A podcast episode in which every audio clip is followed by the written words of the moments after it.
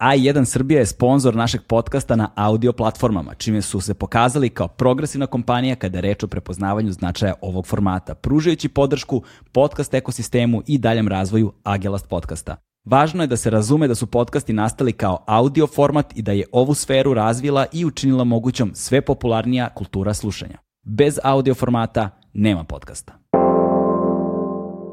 Legend Worldwide je domaći modni brend prepoznatljiv po džinsu i stilu, fokusiranom na stvaranje smirenog dizajna sa prizvukom modernog nasuprot bezuslovnom praćenju modnih trendova. A sada da najavim svoje goste a, za danas. U pitanju su a, bračni par Janković, a, koji imaju sada i čerkicu, koja ima otprilike 3,5 godine i ono što je fascinantno u vezi sa njima jeste da su se oni odrekli u potpunosti svog života u gradu i otišli su u šumu, kupili parče zemlje i počeli potpuno održiv život na imanju. Nisu imali ništa od prazne livade, izgradili su celokupno domaćinstvo. Napisali su i knjigu koja nosi naziv Život u prirodi, to jest priručnik za razvoj novog domaćinstva. Njihova priča je zaista fascinantna, stvari kroz koje su prošle su zaista fascinantne i kako izgleda zapravo nešto čemu smo romantizovali svi mi u nekom trenutku našeg života, a to je bekstvo iz urbanog bekstvo iz grada, bekstvo iz ovog mravinjaka, iz stresa koji živimo svakodnevnog životu i da odemo u prirodu da se konektujemo sa onim iz čega smo zapravo na kraju dana svi nastali i čemu se na kraju dana svi ipak negde i vraćamo. Dakle, kako izgleda život u, priručni, u prirodi, kako izgleda ovaj priručnik za razvoj novog domaćinstva, šta je to kroz šta su prošli, kako izgledaju ta odricanja, kako izgledaju te prepreke, kako se prevazilaze i na koji način se njihov život promenio i obogatio kroz život u prirodi u ovoj epizodi. Ali Aleksandar i Marija Janković, e, odnosno Zelenacija, su moji sledeći gosti. Uživajte.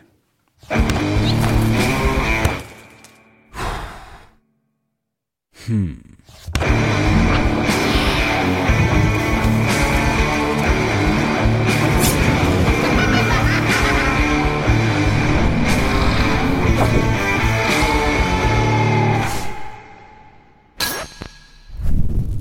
Pa da počnemo. Ovo nam je, ja mislim, uh, nismo nikada ranije počeli snimanje.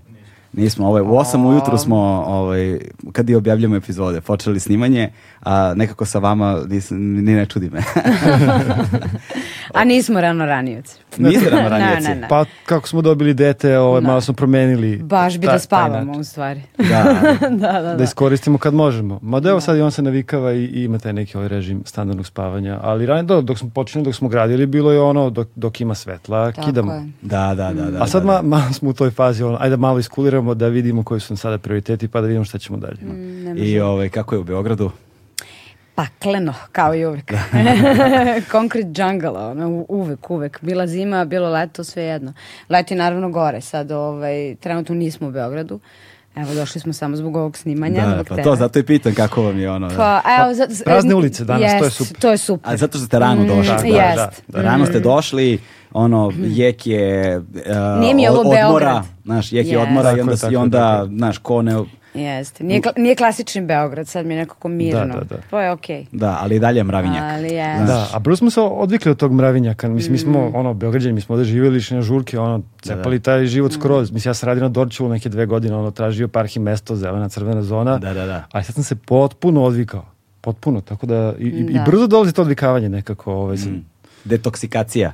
Pa, da, mo može biti. Da. Pa, znaš kako, kad, jednom kada imaš jasan cilj i jasnu viziju, onda sve ostalo mnogo lakše dolazi. Znaš, ni, ni, to više nisu odricanja kako bi smo ih inače doživljavali kao odricanja. Znaš, više nisu kompromisi na način na koji doživljavaš. Ne bolete toliko više ako znaš šta mm, hoćeš. Tako Onda mm, odbacuješ yes, ove stvari. Yes, znaš. To je cijela yes. pojenta. No, gledamo nešto dugoročno da izgradimo. Tako da pa ne, nije ti neki presek kao sad, znaš, kao sad ideš na žurku ovo ono, a to sam se ja zazala ranije. Kao, mm. Ja sam sa žurke pravo na livadu došla pre kuću od slame. Ono. Da.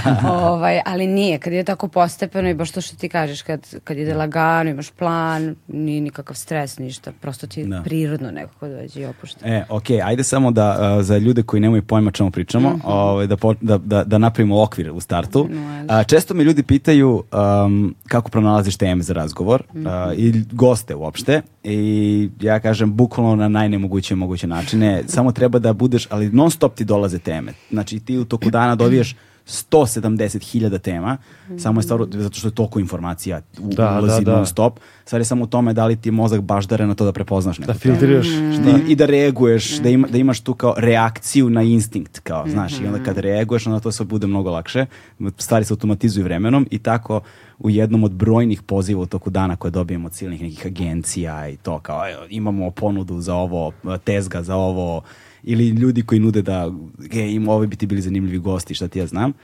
Uh, zvali su me, zvala me neka devojka i, i zaboravio sam nekoj agenciji šta god, koja se bavi, koja ima zadatak da promoviš neki crowdfunding.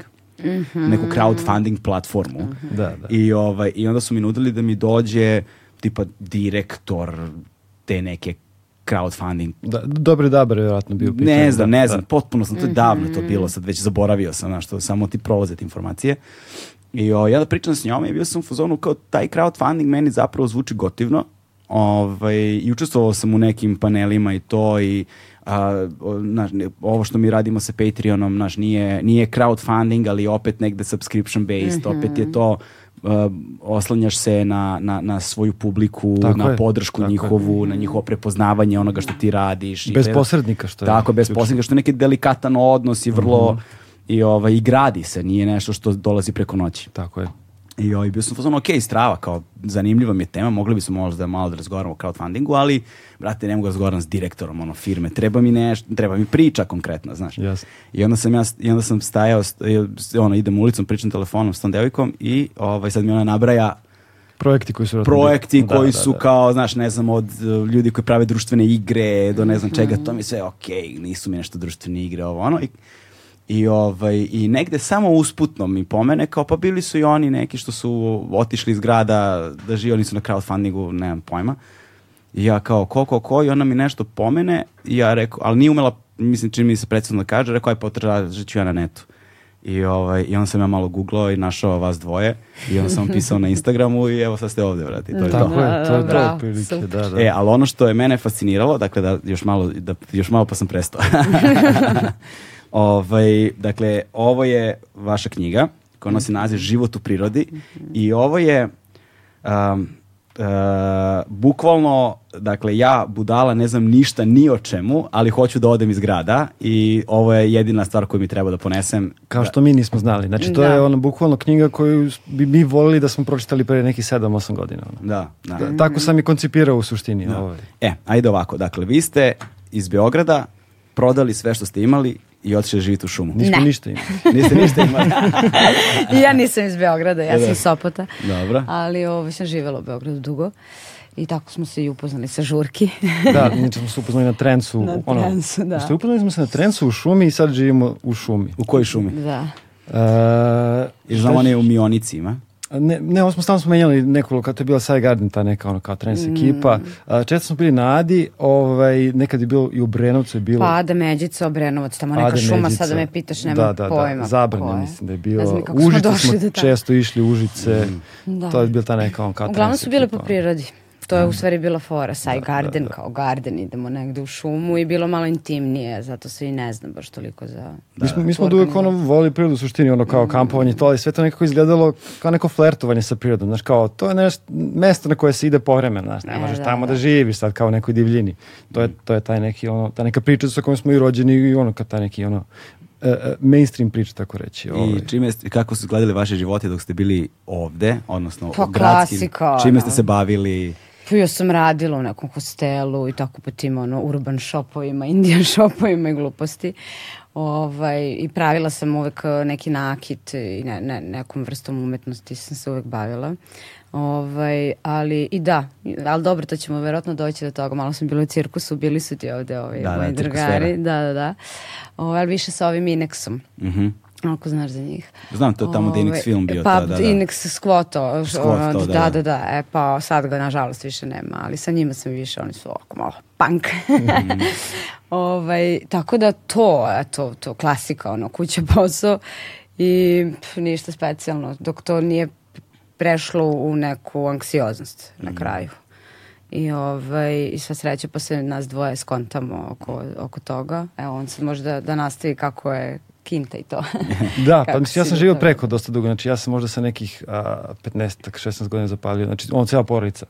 Čale Keva, brati, sve, svi smo otišli u Katar, tamo smo živjeli ono par godina i tamo mi se samo ono ljubav ka prirodi ka drveću ono samo još bila jača, jer ono kad si tamo u pustinji na 50 stepeni u fazonu si wow, šta mi stvari imamo u Srbiji, da. koliko je naš bioregion bogat i predivan, ono, to tek skapiraš kad se izmestiš na neko duže vreme, ono stvarno skapiraš. Mm. Uh, tako da živio sam tamo, onda se nešto vraćao ovde, šljakao sam ovde, ono tipa, mislim, znaš, razbiješ od posla za neku, ono, za neku smešnu kintu i onda sam mi pozvano, ok, aj nećemo tako, ajde imamo mm. neku sledeću opciju, pa sam otišao u Južnu Ameriku, ono, kupio kartu u jednom smeru, našao posao preko neta, radio turističkoj agenciji, ono, tamo sam bio neke tri godine sam živeo, ono, dve godine nisam ni dolazio u Srbiju, nisam progovorio srpski, znači bio sam ono baš, ajde da vidimo neku alternativu, ovaj, I proputo sam cijelu Južnu Ameriku, bio u Severnom Adimu, taj New York, kao, da, da. tamo, kao nešto tamo se živi, Austin, Texas, lala, ali gde god sam ono otišao, sve je manje više ono, ist, mislim, uh, postoji tu nekih ono estetskih razlika i, mm. ove, i kao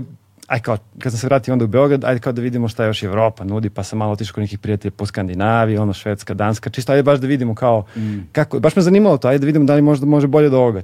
A kad mislim ovoga, mislim, ono, kad kažem ovoga, mislim ide na posao kao tipa dižem kredit, uh, da, da, da. nema vremena ni za šta. I stvarno gde god sam otišao, sve je svuda ista priča. Ono, kao negde, znaš kao taj uh, nivo života, kako kažu, i kao možda malo viši, ali opet, opet ono isto, ljudi su ono, ne znam, nemaju vremena za sebe, nemaju vremena za svoju decu, ono, uh, svi su nekim dekićima i to se samo od, neka rešenja koje se stalno ono odlažu nedogled i sad i tako uopšte ono, ono došla ta neka ideja da ajde da vidimo nešto radikalnije, ajde mm. da vidimo šta je sledeće.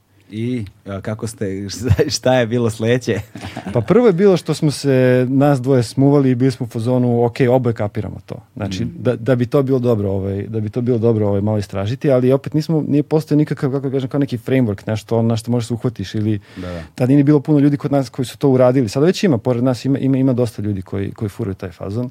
A, sve je bilo preko, znači, sad ti gledaš nešto na YouTube-u, čitaš neke strane knjige, fazon si, da, to je okej, okay, ali tamo, znaš. Ali znaš šta je fora? Ovaj, recimo, i to si ti lepo naveo negde na početku same ove knjige, uh, kad, god se, kad god se posadi uh, zasadi nekakva ideja ono u nama o nečemu, znaš, uvek je prva faza to ma, maštarenje, sanjarenje mm -hmm. o, o tome nečemu, mm -hmm. znaš.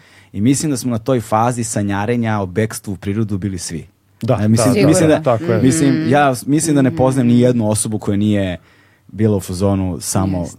ono, znaš, kao sanjam da uh, pobegnem u prirodu ili sanjam da imam ono mm. barku na moru i da, znaš, ne, ne vidim čoveka nikad Jest. više.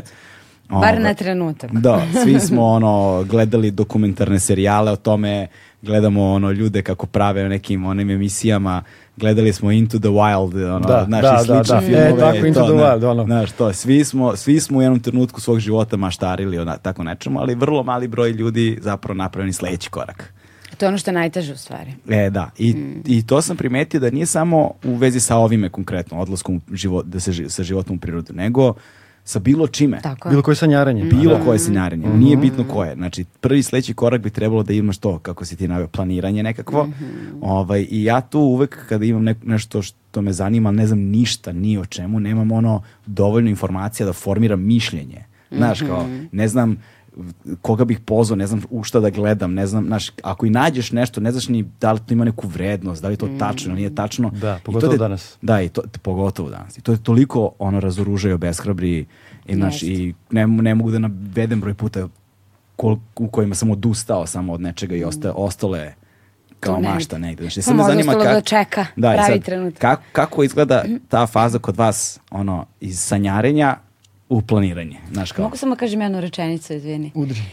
Ovaj, skupio je neke novce i pitao me ovaj, hoćeš da uzmemo ove pare i da putujemo po svetu i da ne znamo da ćemo da stignemo, u smislu da li ćemo da ostanemo zadrljeni, luđe je ovaj svet, znaš da, da, kao. Da, da, da.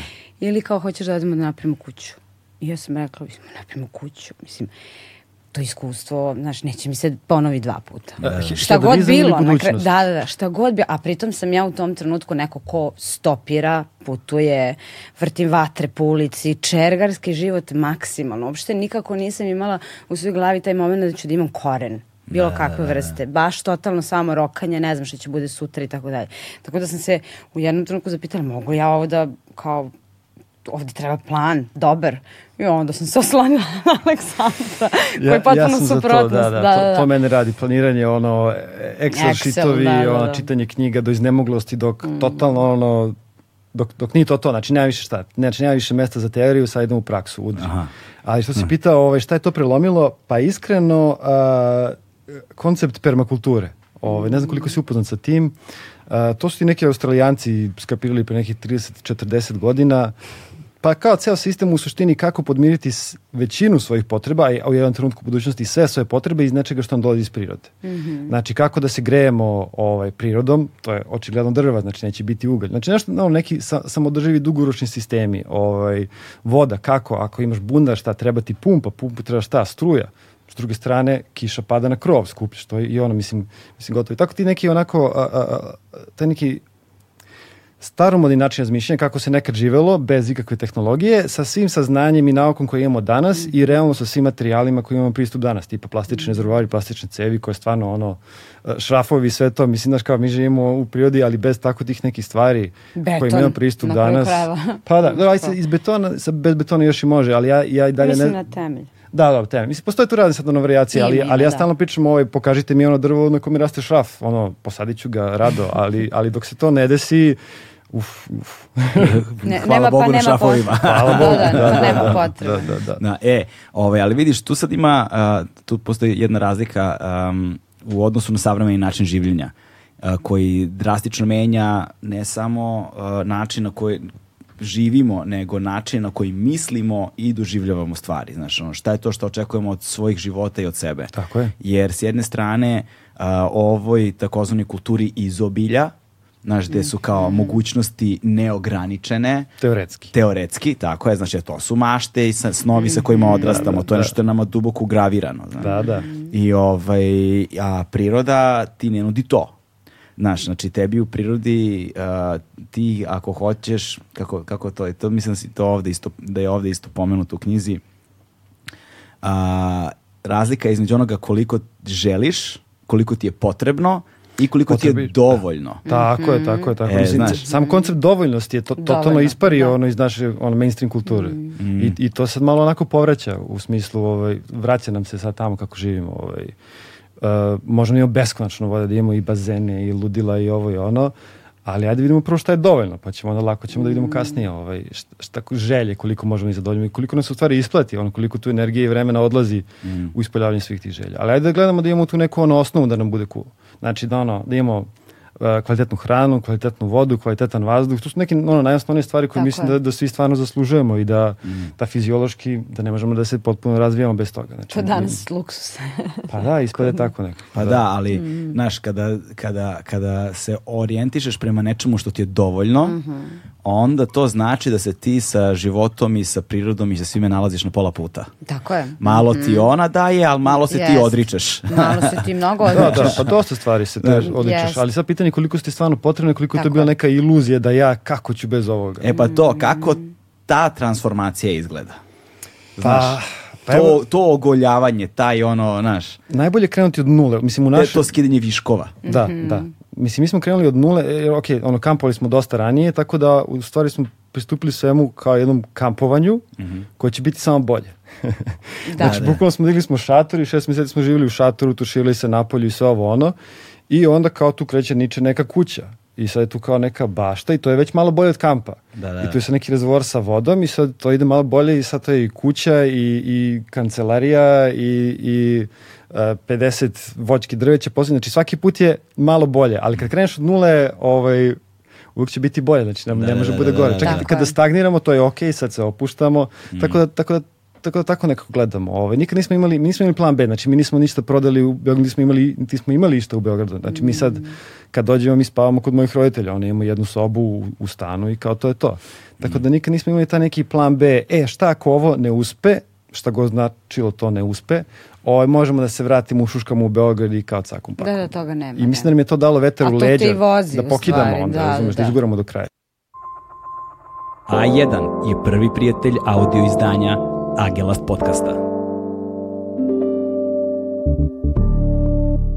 Znaš, šta je još jedna stvar? A, koliko ste imali precizan plan šta je to što želite da ostvarite, a koliko se taj plan pardon, Zapravo ostvario. za, ne zapravo ostvario, nego se zapravo skapirali šta je to što želite jednom kad ste krenuli na to putovanje. Znači, znaš, imaš ono pre, pre, pre putovanja, imam ovo mi je cilj, Da. a nekada krenem, nije mi baš jasno šta je cilj, ali skapiram usput šta je cilj.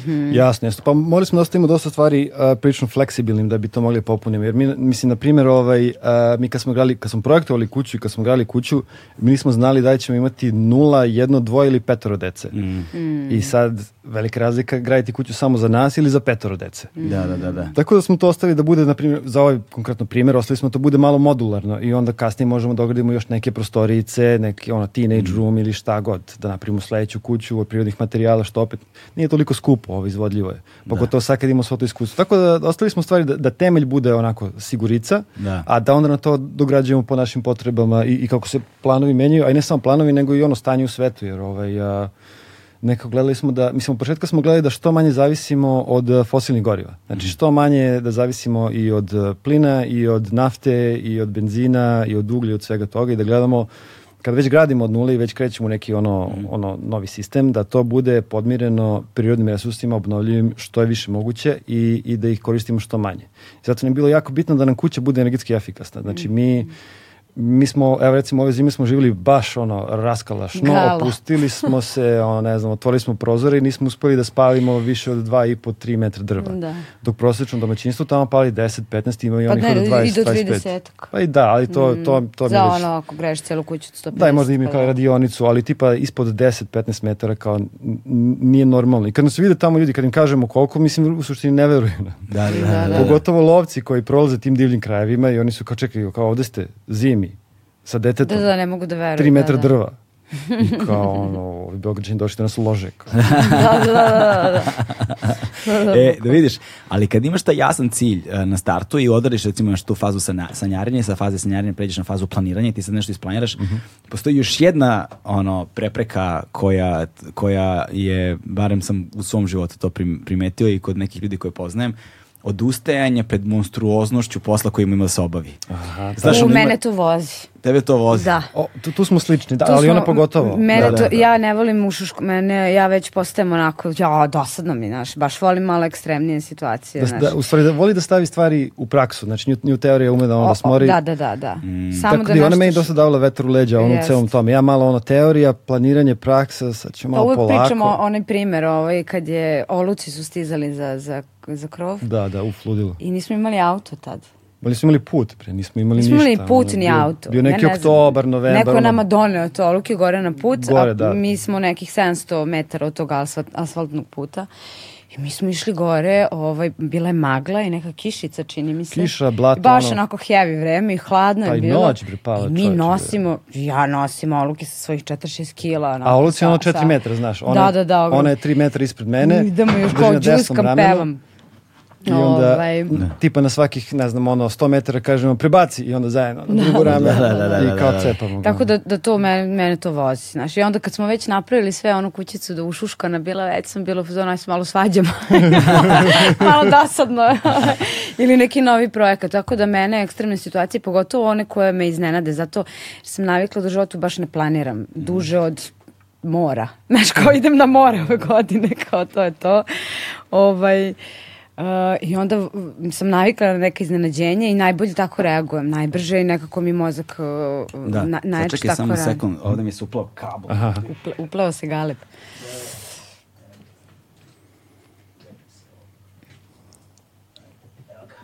Ajde bre, kabel, glupi točkić mi se uplao. Ali, ali lepo si to rekao, lepo si to pomenuo, jer to su stvarno jako bitni koraci. Ja mislim da, Jesu. da, da bi uspeo u svemu tome da tu nema nikakvog preskakanja. Znači, moraš da sanjaš, moraš da dobro isplanjaš pre nego što kreneš, možeš da izvedeš sve to i na kraju to sve treba proslaviti. Da, da, da, to jeste, da, je. to je posljednja faza, ali čekaj do proslave, znaš. Da, da, i mi, da, da, nego, da. nego, ali čini mi se negde da su možda i te faze uh, ono straha od uh, obima posla znaš, možda prirodne, ne, negde je stanje. Ja recimo znam po sebi kad god započinjem neki projekat u koji se baš investiram i koji mi traje dugo i šta ti ja znam, znaš ako znam da šta je jedna od pouzdanih uh, uh, šta je jedan od pouzdanih znakova da je to što radim dobro. Što imam fazu očajanja. Da, da, da. očajavanja, kad bi sve da dignem, da, dignem ruke od sve u tri lepe. I tu ga probiješ. Da, da, I to, on se znaš. rekao, e, nećeš. E, mor- moram da kao, imam tu fazu da se osjećam očajno i da hoću da odustanem od svega. E, kad to osetim, to mi je siguran impuls, e, znači da si na dobrom To je putu. to. Da, da, da. Mhm, jest. Ali, a ima i tu, treba postati sad ono, to što pričaš, znači planiramo neke projekte, la la la, ovaj, a, ne treba i se i tu previše zavozati. Jer ako je neki projekat kao što je planiranje kuće, mislim, ja sam to sve iscrtao, la, znaš, ono, znam da će ići grede, koji materijali se koriste, spisak, ono, materijal gde nabaviti, koje su cene, ovo ono, ali ne treba ići, e, što se kaže, do eksera. Da. Znaš, ne treba ispuniti da ide svaki Excel. Jest. Jer to je toliki onda obim poslova koji si sebi stvorio u glavi, Mhm. ljudskoj glavi koja stvarno ne može sve te kockice drži u isto vreme. Tako da, isplaniraj, znaš, ono, tako sebi govorim, isplaniraj do 90%. Da, da. Ostavi ove sitnice, detalje, to ćemo lako kasnije. Ono. Mislim, na kraju postoje stvari koje ti ne možeš da isplaniraš, kao što su vremenske prilike ili neprilike. Možeš ti da isplaniraš za jedan da radiš, ne znam, krov, pada ti kiša, nećeš to sad raditi. Ok. Znaš, radit ćeš- mislim, to malo zna isto da frustrira, ali je sitnica u odnosu na ovaj. Ali hoću kažem, no, tako, neke stvari mogu ti iznenade, znaš. Mm. I neki ljudi to frustrira, na primjer. I mene nas je par puta frustriralo. Ali sve manje i sad? manje. Pa sad, U početku je bilo najteže. Sad, sad ne. kad se nešto desi, neki Da, izazov, da, a sad, da. mislim, ono govorim bilo koji izazov. Ovaj, znači, ne samo ko imanja, gradnja kuće, usuš- usušila se neka voćka, uh, pokvarila se pumpa za vodu, sve je tako neko laganica sada, ono. Da. neko ima taj ono vetar u leđima i imamo to neko samopouzdanje, pa kao sredit ćemo ga. Napravio sam kuću, kao sad će tu neka pumpa da mi se Da, da, da, da, da, da, da. E, ajde onda sad da počnemo konkretno. Dakle, a, koje godine vi zapravo i kako pronalazite gde ćete da idete i da odlučujete se? Pa evo ovako, korak. znači, uh, uh, znači živjeli smo, ja, ja se vratio iz, iz, iz Južne Amerike tamo neke 2013. 14. i onda smo Mare i ja, znači bili zajedno dve godine u Beogradu. Uh, imao sam taj neki štek i sad smo vidjeli, ok, gde ćemo da živimo. Uh, uh, uh, u momentu kad smo, znači kad, sam, kad smo ono presekli, rekli to je to, tražimo imanje, selimo se, pravimo plan, ovaj, to je bilo kad sam naišao na taj koncept permakulture, Mhm. pokazao sam Mari, zajedno smo završavali taj neki kurs i otprilike negde... Kakav kurs? A, kurs za Jeff permakulture. Jeff Lawton, ovaj, pe, e, australijanac, jedan drži Mhm. kurs, izvrstan, što je malo kontradiktorno, jer permakultura je onako a, vrlo praktična nauka i sad ja taj kurs ono završavam preko interneta, ali već na pola kursa sam bio u fazonu, to je to. Znači, znači usmer, konačno imam ono kako. Znači, ono, želim u prirodu, želim, a sad, sad znam i kako. Nisu svi detalji bili u tom kursu, ali to je taj ono intro. Da, I da. onda znam... Znači, prijavili ste se na online kurs Tako je. i ko, pohađali ste ga i kao to je bilo otprilike, tu je bio onaj posljednji ekser u ono, to. Jest. Ja sam tada dao I otkaz. knji- knjige. Pazi, to, to, to, znaš, ono... Ti si da tada dao otkaz? Ja sam tada dao otkaz. Da. A šta si radio? Pa radio sam online, znači radio sam dalje za tu agenciju ovaj, u Južnoj Americi, u Peru i, i radio sam, mislim, tad sam, on, održavao sam i sajt i još neke, ono, uvijek sam do, do, dodavao neke projekte, ono, razno razni, tad sam bio u fazonu, radim taj posao 8 sati, on se završi i sad treba još 2-3 sata da učim kako se, o svemu, znači ja nisam ništa znao o gradnji, apsolutno ništa, alati, ono, ništa, ništa, ništa, poljoprivreda, ništa, nula. Ja sad sve to treba, brate, da naučim nakon radnog vremena. Da. Nema šanse teoretski. I onda sam, imao sam dovoljnu šteđevinu tada, no, znači, ok, može, isplanirao sam sve to finansijski, dao otkaz i narednih godinu dana uh, sam ja bukvalno učio 5-6 sati dnevno. Znači, sve što se toga tiče. Uje. Znači, kurs je bio ono, samo intro, posle su više knjige. Krenuo sam sa YouTube-om, vidio sam u fazonu, čekaj, čekaj, ovdje mi nešto ne pije, ne pije vodu, ovaj, čekaj, da, znaš, uh, algoritam je onaj koji diktira ipak, ipak šta će se plasira tu. I sad teško je doći do, do, do, do pravih informacija. A opet knjige imaju, i dalje imaju taj neki, ovaj, teže je izbaciti knjigu nego, nego video. I ja sam, a sad sve su te knjige bile na engleskom i sad treba doći do svega toga. Tako da ovaj, dosta dugo traja taj proces ovaj, učenja, ali, ali bez, ali dalo mi ono, samopouzdanje i dalo mi konkretne informacije šta i kako ovaj, uraditi. A za to vreme si ti Ja sam šljakala, ja mislim, da. Tad Da, sam radila u hostelu, da. Ja nisam imala. Čitala sam zapravo, pošto meni na engleskom čitanje ide malo slabije. I onda sam našla na srpskom sve što sam mogla. A imali smo i, ovaj, i na YouTube ovaj Zmag, ja mislim iz Hrvatske. Oni E, da, su oni bili super, genijalni. da. Njih sam baš pratila. Ko su oni šta? E, Zeleno udruženje, pa isto tako permakulturna Tako asocijacija je. u Hrvatskoj. I po, ono praktično pokazuju neke stvari. Super su zanimljivi. Kako se zove ako ljudi žele da ih vidi? e, Zmag. ZM, ZMAG. Zmag. Da, Okej. tačka HR. je. Ovaj, I čitala sam Sepp Holcera, ovaj, njegovu, njegovu knjigu, on čovjek u, u Austriji ima na koliko... Da, Sepp Holcera permakultura je jedina knjiga o permakulturi na, na srpskom. koja je prevedena na naš jezik. Mm. Zapravo i, i Aliko, i odlične, i Aliko, Alik je baš insistirao to, to pišem na srpskom, jer mi nemamo zapravo uopšte... Kad sam pisao ovu ljudi knjigu, da. kao što sam ja koji, koji, mislim, ja bi čitala tu knjigu 100 godina, ok, pročitala bi je, ali, znaš, kao daj malo se požurimo i onda mi ta knjiga baš pomogla, super. I naravno tako sve što sam našla YouTube, on mi je prepričavao i ovaj kurs Jeff Lotona je fenomenalan. Njega sam Da. čak dva, tri puta, jer ja australijanac mogu ga pohvatam uopšte. Ima taj naglasak. akcenat, da. ovaj, tako da tih par stvari i onda sam ovaj, se malo više oslonila na Aleka u smislu meni treba praksa, znaš, ako kad mi krenemo to da radimo, što se na kraju ispostavilo kao Mm. istina, da kad sam ja tu na terenu, to je to, ovaj, već umem da funkcionišem. Ali sam tad radila. A i volontirali smo umeđu vremenu. Išli Jest. smo preko oga WUF-a, ako znaš. Uh, to je Worldwide Opportunities on Organic Farms. U Ok. suštini to ti je sistem ovaj, volontiranja, znači ti si domaćin, imaš svoje domaćinstvo, baviš se bavi se, ili se baviš organskom poljoprivredom ili prirodnom gradnjom, u suštini nije ovaj kao mainstream klasični approach i tebi sad treba tu pomoć.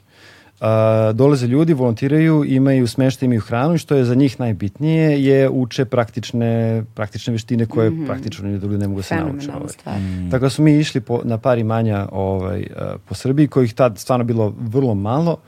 Uh, jedno od tih imanja je bilo uh, znači projekat Markov potok, negde tamo u istočnoj Srbiji, ono, ko će ga znati. Kod ne- Rtnja tamo Kod Rtnja, nešto tamo. Znaš, to, to, to, Neka znaš, zabi. ne zanima nas uopšte. Je toliko daleko od Beograda, mi smo ipak tada da, da nađemo neku manju blizini Beograda, kao tu nam je porodica. Neko Barajevo, nešto tako. Da, da. Mako, mačice, Malki- da. malci dalje, da, da. da, da. Ovo je kao to idealno, tako. Znači, mm. tu su ti porodice prijatelji, ako ti treba neka ono kultura, neka svirka skokneš do grada, ali smo, ali smo skapirali brzo da Beograd baš ono širi svoje Širi pipke. se, a. Znači, u, u svakom smislu. Ovaj, i, i, I uglavnom otišli smo tamo da volontiramo i prvo kad smo stigli videli smo, wow, ovo, znači, prelepa priroda, a opet nije toliko divlja. Ovaj, nije kao zapadna Srbija gde, gde ono ima malo i krševa i ono visina, znači ono sve šume, ono u nedogled. Nadmorska visina u suštini ispod pet, ono, 300 do 500 metara, znači nekako idealno. I tamo smo volontirali, ovaj, gradila se ogromna kuća od slame, ovaj, to kao permakulturno ud- udruženje, ovaj, eko zajednica, eko selo, neki projekat. Mi sad nismo ni znali detalje, samo smo otišli da vidimo kako se radi sa blatom i sa slamom. To nam je bilo ključno. Ovo, ono. Došli smo tamo ovaj, i prvo dopala nam se mesto, dopala nam se ideja, cijela ta priča ovaj, o, o, o zajednici. E, I čovjek koji je sve to pokrenuo, Zoran Stanimirović, je završio isti kurs permakulture kao i ja. Dva lika u Srbiji koji su završili. I ja sam bio, nije ni bilo nas je možda petoro tada Dobro, u celoj. Srbiji. Ja sam Ok. okay. bio wow. Znači, s ovim čovjek, znači, nema mi to šta mnogo se objašnjava. Mi već razumemo mnoge stvari i, i to je bio ono ogroman plus. I, I u suštini to je prvo imanje koje, o kome smo razmišljali, to je prvo mesto o kome smo razmišljali, prvo koje smo pogledali i eto, tu sad živimo. Tako da baš se nekako ovaj, uklopili. Nismo Da, imali, nismo tražili puno. da, nismo imali, i malo smo se i plašili tog celog procesa potrage, potrage imanja, jer mnogi ljudi se izgubi u tome. Ovaj, Mnogima to, to ono, traje mesecima, godinama. Da li je ovo idealno, da li je ovo, pa Da. fali potok. Mislim, znaš, ti ako nađeš kao što si ti našao imanje s potokom, ti si srećan čovjek. Mislim, Da, stvarno svaka Ali stvarno čast. retkost, mislim, da, ne da, možeš da. da, da, ovaj, Uvijek ima neki kompromisa, ali kad povuče crtu, jako je teško u Srbiji naći loše imanje. Mislim da se Pa da. razumemo. Jest. Znači, Da. takav je bio region. Znaš što da- sam ja provalio ovaj, dok, kad smo mi gledali zemlju da kupimo neku i bili smo sa često smo odlazeći da gledamo zemlju, bili smo često s nekim prijateljima, te s jednim, te s drugim, koji su kao isto zainteresovani da kupe. I onda nakon, ne znam, četvrtog, petog odlaska, ti počinješ da primećuješ uh, matricu kao kako to da, se, da smo mi sve bliži kupovini, a oni ni da Oni mrdnu. sve dalje. A on, ne sve A, dalje, ali nekako ali ni da ni- mrdnu s mrtve tačke, znaš. Uvijek im nešto fali.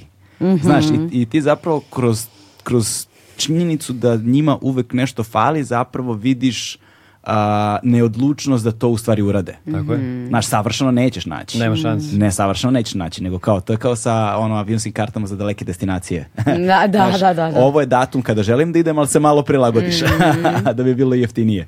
Znaš, tako je i ovo.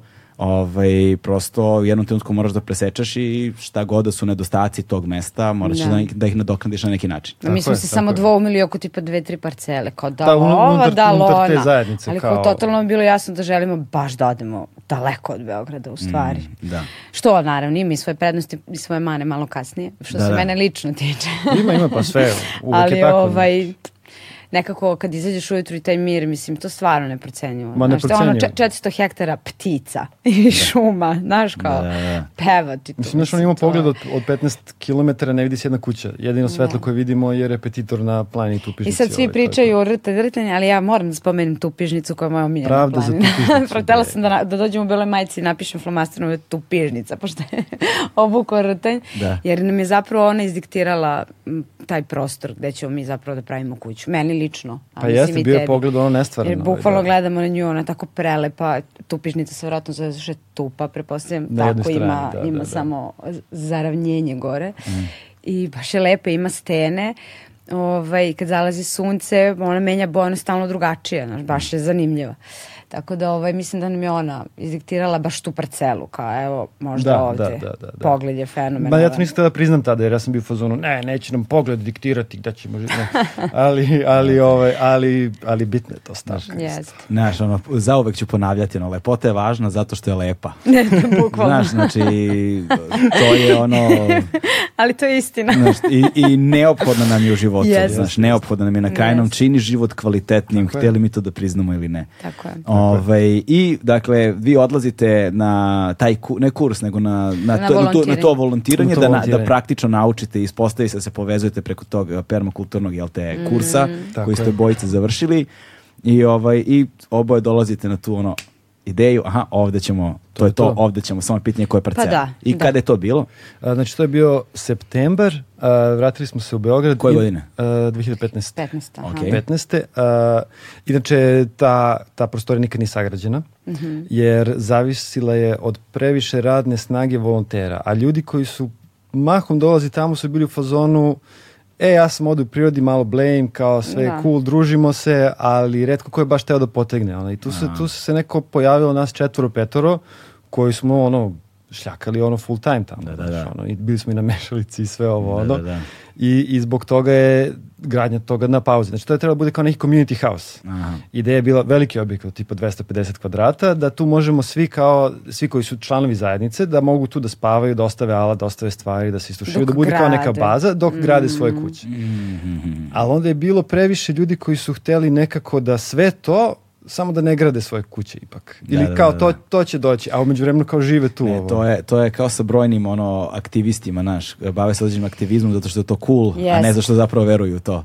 Pa, Znaš, i onda su došli oni ljudi malo u izlet u prirodu, nisu došli da, A jest. znaš, Jest. Ja A ne- mislim a da nisu ni bili spremni, ne znam da li je izlet, Mnogi nego nisu bili nekako, spremni, ne, i ne, malo ne. su, bile i malo starije ekipa, znaš, nekako, nije, nije bila ta energija, idemo, radimo, Da, nikako da, da, se da, nije da. osjećala. Perma, Među- permakultura ima malo taj, taj ovaj, a, loš marketing što cilj permakulture, znači permakulturno imanje kad ga zamislimo kao gotovo je, mislim nik- nikad ništa nije gotovo, ali kad je razrađeno za nekih 50 godina, a, tebi voće samo rađa bez prskanja, tebi voda sama teče jer ono pada sa krova, skuplja se, Da. sve, sve ovo ide, ide po gravitaciji, ne treba ti pumpe i manje više pasivan sistem koji ne zahteva tu količinu energije i napora koliko jedno klasično domaćinstvo danas zahteva. E, i to je sad kao neki krajni cilj tog permakulturnog imanja, a svi nekako ovaj, zaborave na tih prvih par decenija Kad moraš razvoja da se tog imanja. iscimaš, da, da, kad da. Ti, kad ti ništa ne pada, znaš, ne pada ti kaj si je u usta, nego ti sad cepaš i nekako ljudi to onako, ma lako ćemo to, ali znaš, ja da mišljam o glavnim cilju. Da. Tako da to je I možda ovaj, pronalazite parcelu, Da, vraćamo se u Beograd, uh, razmišljamo, stavljamo sad sve na papir, uklapamo, znači tad sam ja već plani, tad smo planirali tada ovaj, nekih šest meseci pre toga, poklapamo pa, parcelu sa planovima, to se podudara, relativno sve ok, uh, vraćamo se u već mesec dana, dva meseca kasnije, kaparišemo, i onda ide zima gde ono, to je to, sad gradimo, sad planiramo kuću, sve cakum pakum uh, i, i na imanje smo kročili, kupili smo onda imanje, onda smo vratili opet u martu, jer bilo hteli smo da idemo u što više godišnjih doba, da vidimo kako, znači kako Da. leti, kako je na jesen, kako je kraj zime, ovo ono, gde teku vode, gde su kada kakvi vetrovi. Mislim, idealno svim preporučujem kada bi mogli da pogledaju godinu dana, ali čoveče, zamisli ti sediš, ono, tamo ti neko parče zemlje, ti ga imaš i kao godinu dana prolazi ti ništa ne radiš na njemu. Teško je, teško je, ali savjetujem ako, ako je moguće, ovo ipak dozvoliti to. da ja sam u fazonu, odeš kad je kraj zime, I ako ti se tad svidi, to je to. Nije loše. Znaš, Da, i ako ti da. se svidi kad se ono, kada je sve golo i kada se Slažem sneg se. topi i kad je blato i kad je odvratno i sivo i ako ti se tad svidi, to je to. Ako voliš, je. ako možeš Mart da preživiš na tvojoj zemlji, to ti je to. Mm, da, jer da, Mart je baš stvarno heavy, ono, ja. Znaš, kao gotova, kao gotova je zima, A nije, ali, i dalje ali može ti još padne nije. sneg. Da, može ti padne Da, sneg, da, ne da. može baš se radi još uvijek napolju toliko, ovo, ono, drž, ne daj. Da, da, to, to, to je definitivno dobar, dobar test. U martu smo kupili, I u maju smo onda došli. da, i u maju smo došli. Maju 2016. Da. Tako je, da, Vi da. ste se spakovali lepo, šta ste spakovali? Šta smo spakovali? Pazi, kad si, ali ono naj, ja najosnovnije sam stvari. spakovala sva, stvari. Sva. Glupost. Najosnovnije stvari u suštini, Jest. ovaj... Nismo imali brini šporet, imali smo onaj, se zove primus. Da, pri, Malo ono, sad, plinčić, na tome, onaj, i, da. i jeli smo on, ovaj, konzerve Ja, grozno. i... Na, da, Može pet, šest one- dana, Da ne reklamiram sad, ali konzerve, gotove hrane, Da, da, da. sve Ono, isto, kao jela, uzmeš tri različite, sve ima isti ukus, znaš. Da, da, da. Posle 10 fuj. dana katastrofa. Mislim, ko će kuva sad? Da, još kao još. mislim, tipa bilo nepokošena livada, znaš. E, posle više nismo mogli to da, da izdržimo i onda smo, ovaj, Aleksandrova mama na- nas je častila onim um, paviljonom. Kao, kao party kao tent, ša- za, za klin, ali onako malo veći, znaš, kao plastični, Da. kao veliki, ono kao šator, tu gde može I onda smo 10 kupili ljudi da stane. plin i, i što sam u stvari, ne, kupili smo pre toga plin, ali nisam mogla kuvam na vetru. Znaš, I na kao da ima kiši. vetar, ja kuvam ono kafu četiri sata. I onda smo uzeli to i to nam je bilo super. Tu smo i skladištili stvari, sto i, i, i kuhinjica. Ovaj, I to je to u suštini, odatle smo gradili ulicu. Čekaj, kako su izgledali ti prvi dani osim što ste jeli ono konzervirana gotova jela i pokvarili stomake u, u, Da. roku, u roku od 5 dana? Bilo je jako kišno. Pa, To, bilo je kišno. kao- Jako kišno je bilo i u suštini nismo ništa mogli pretredno da radimo na polju. Ovaj, Šta bil- samo ste bili u šatoru? Ne, ne, ne, ne, šetali smo okolo. Znači da vidimo, ajde da mi da upoznamo ovo mesto na Koliko, koliko? koliko ima parcela? Hektar. Hektar, ok. 108 ari. Ok. Ovaj, uh, ali mi evo, koristimo neki 40-50 ari i baš smo se onako rašili i opustili. I stvarno, naš, ono, Da. mislim da nema potrebe. Za jednu porodicu, pa kako god da članova ima, mislim da 50 ari je sasvim, sasvim Ali korektno uzmeš i ti za svaki slučaj hektar. Pa da, ne, neće, neće se baci. Mislim, Da, da, da. da. Meni Ali- je zemlja, ono ulaganje u zemlju stvarno postaje neprocenjivo, znaš, nikad Da, ti neće biti da, dosta. da. Što se više ogradiš, što bolje za tebe, ne znaš šta će sutra bude. A i neko pretpostavljam da ćemo mi bolje brinemo o toj zemlji nego neko drugi. Ovaj, Da. Ko će dođe da nasledi neku šumu i da je poseče i Jest. da proda i kao to Šta je god, to. da, Tako da. je. Rese to, ono, ekosistem 50 I godina. odlasko, odlaskom iz Beograda, ovaj, dolaskom tu, prvih 10 dana, ovaj, šta vam je najviše nedostajalo?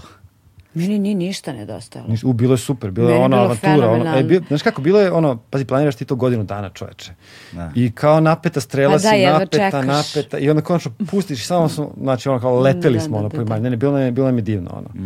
I, da. I to je bilo ono kao, to je to, krećemo, početak avanture, idemo.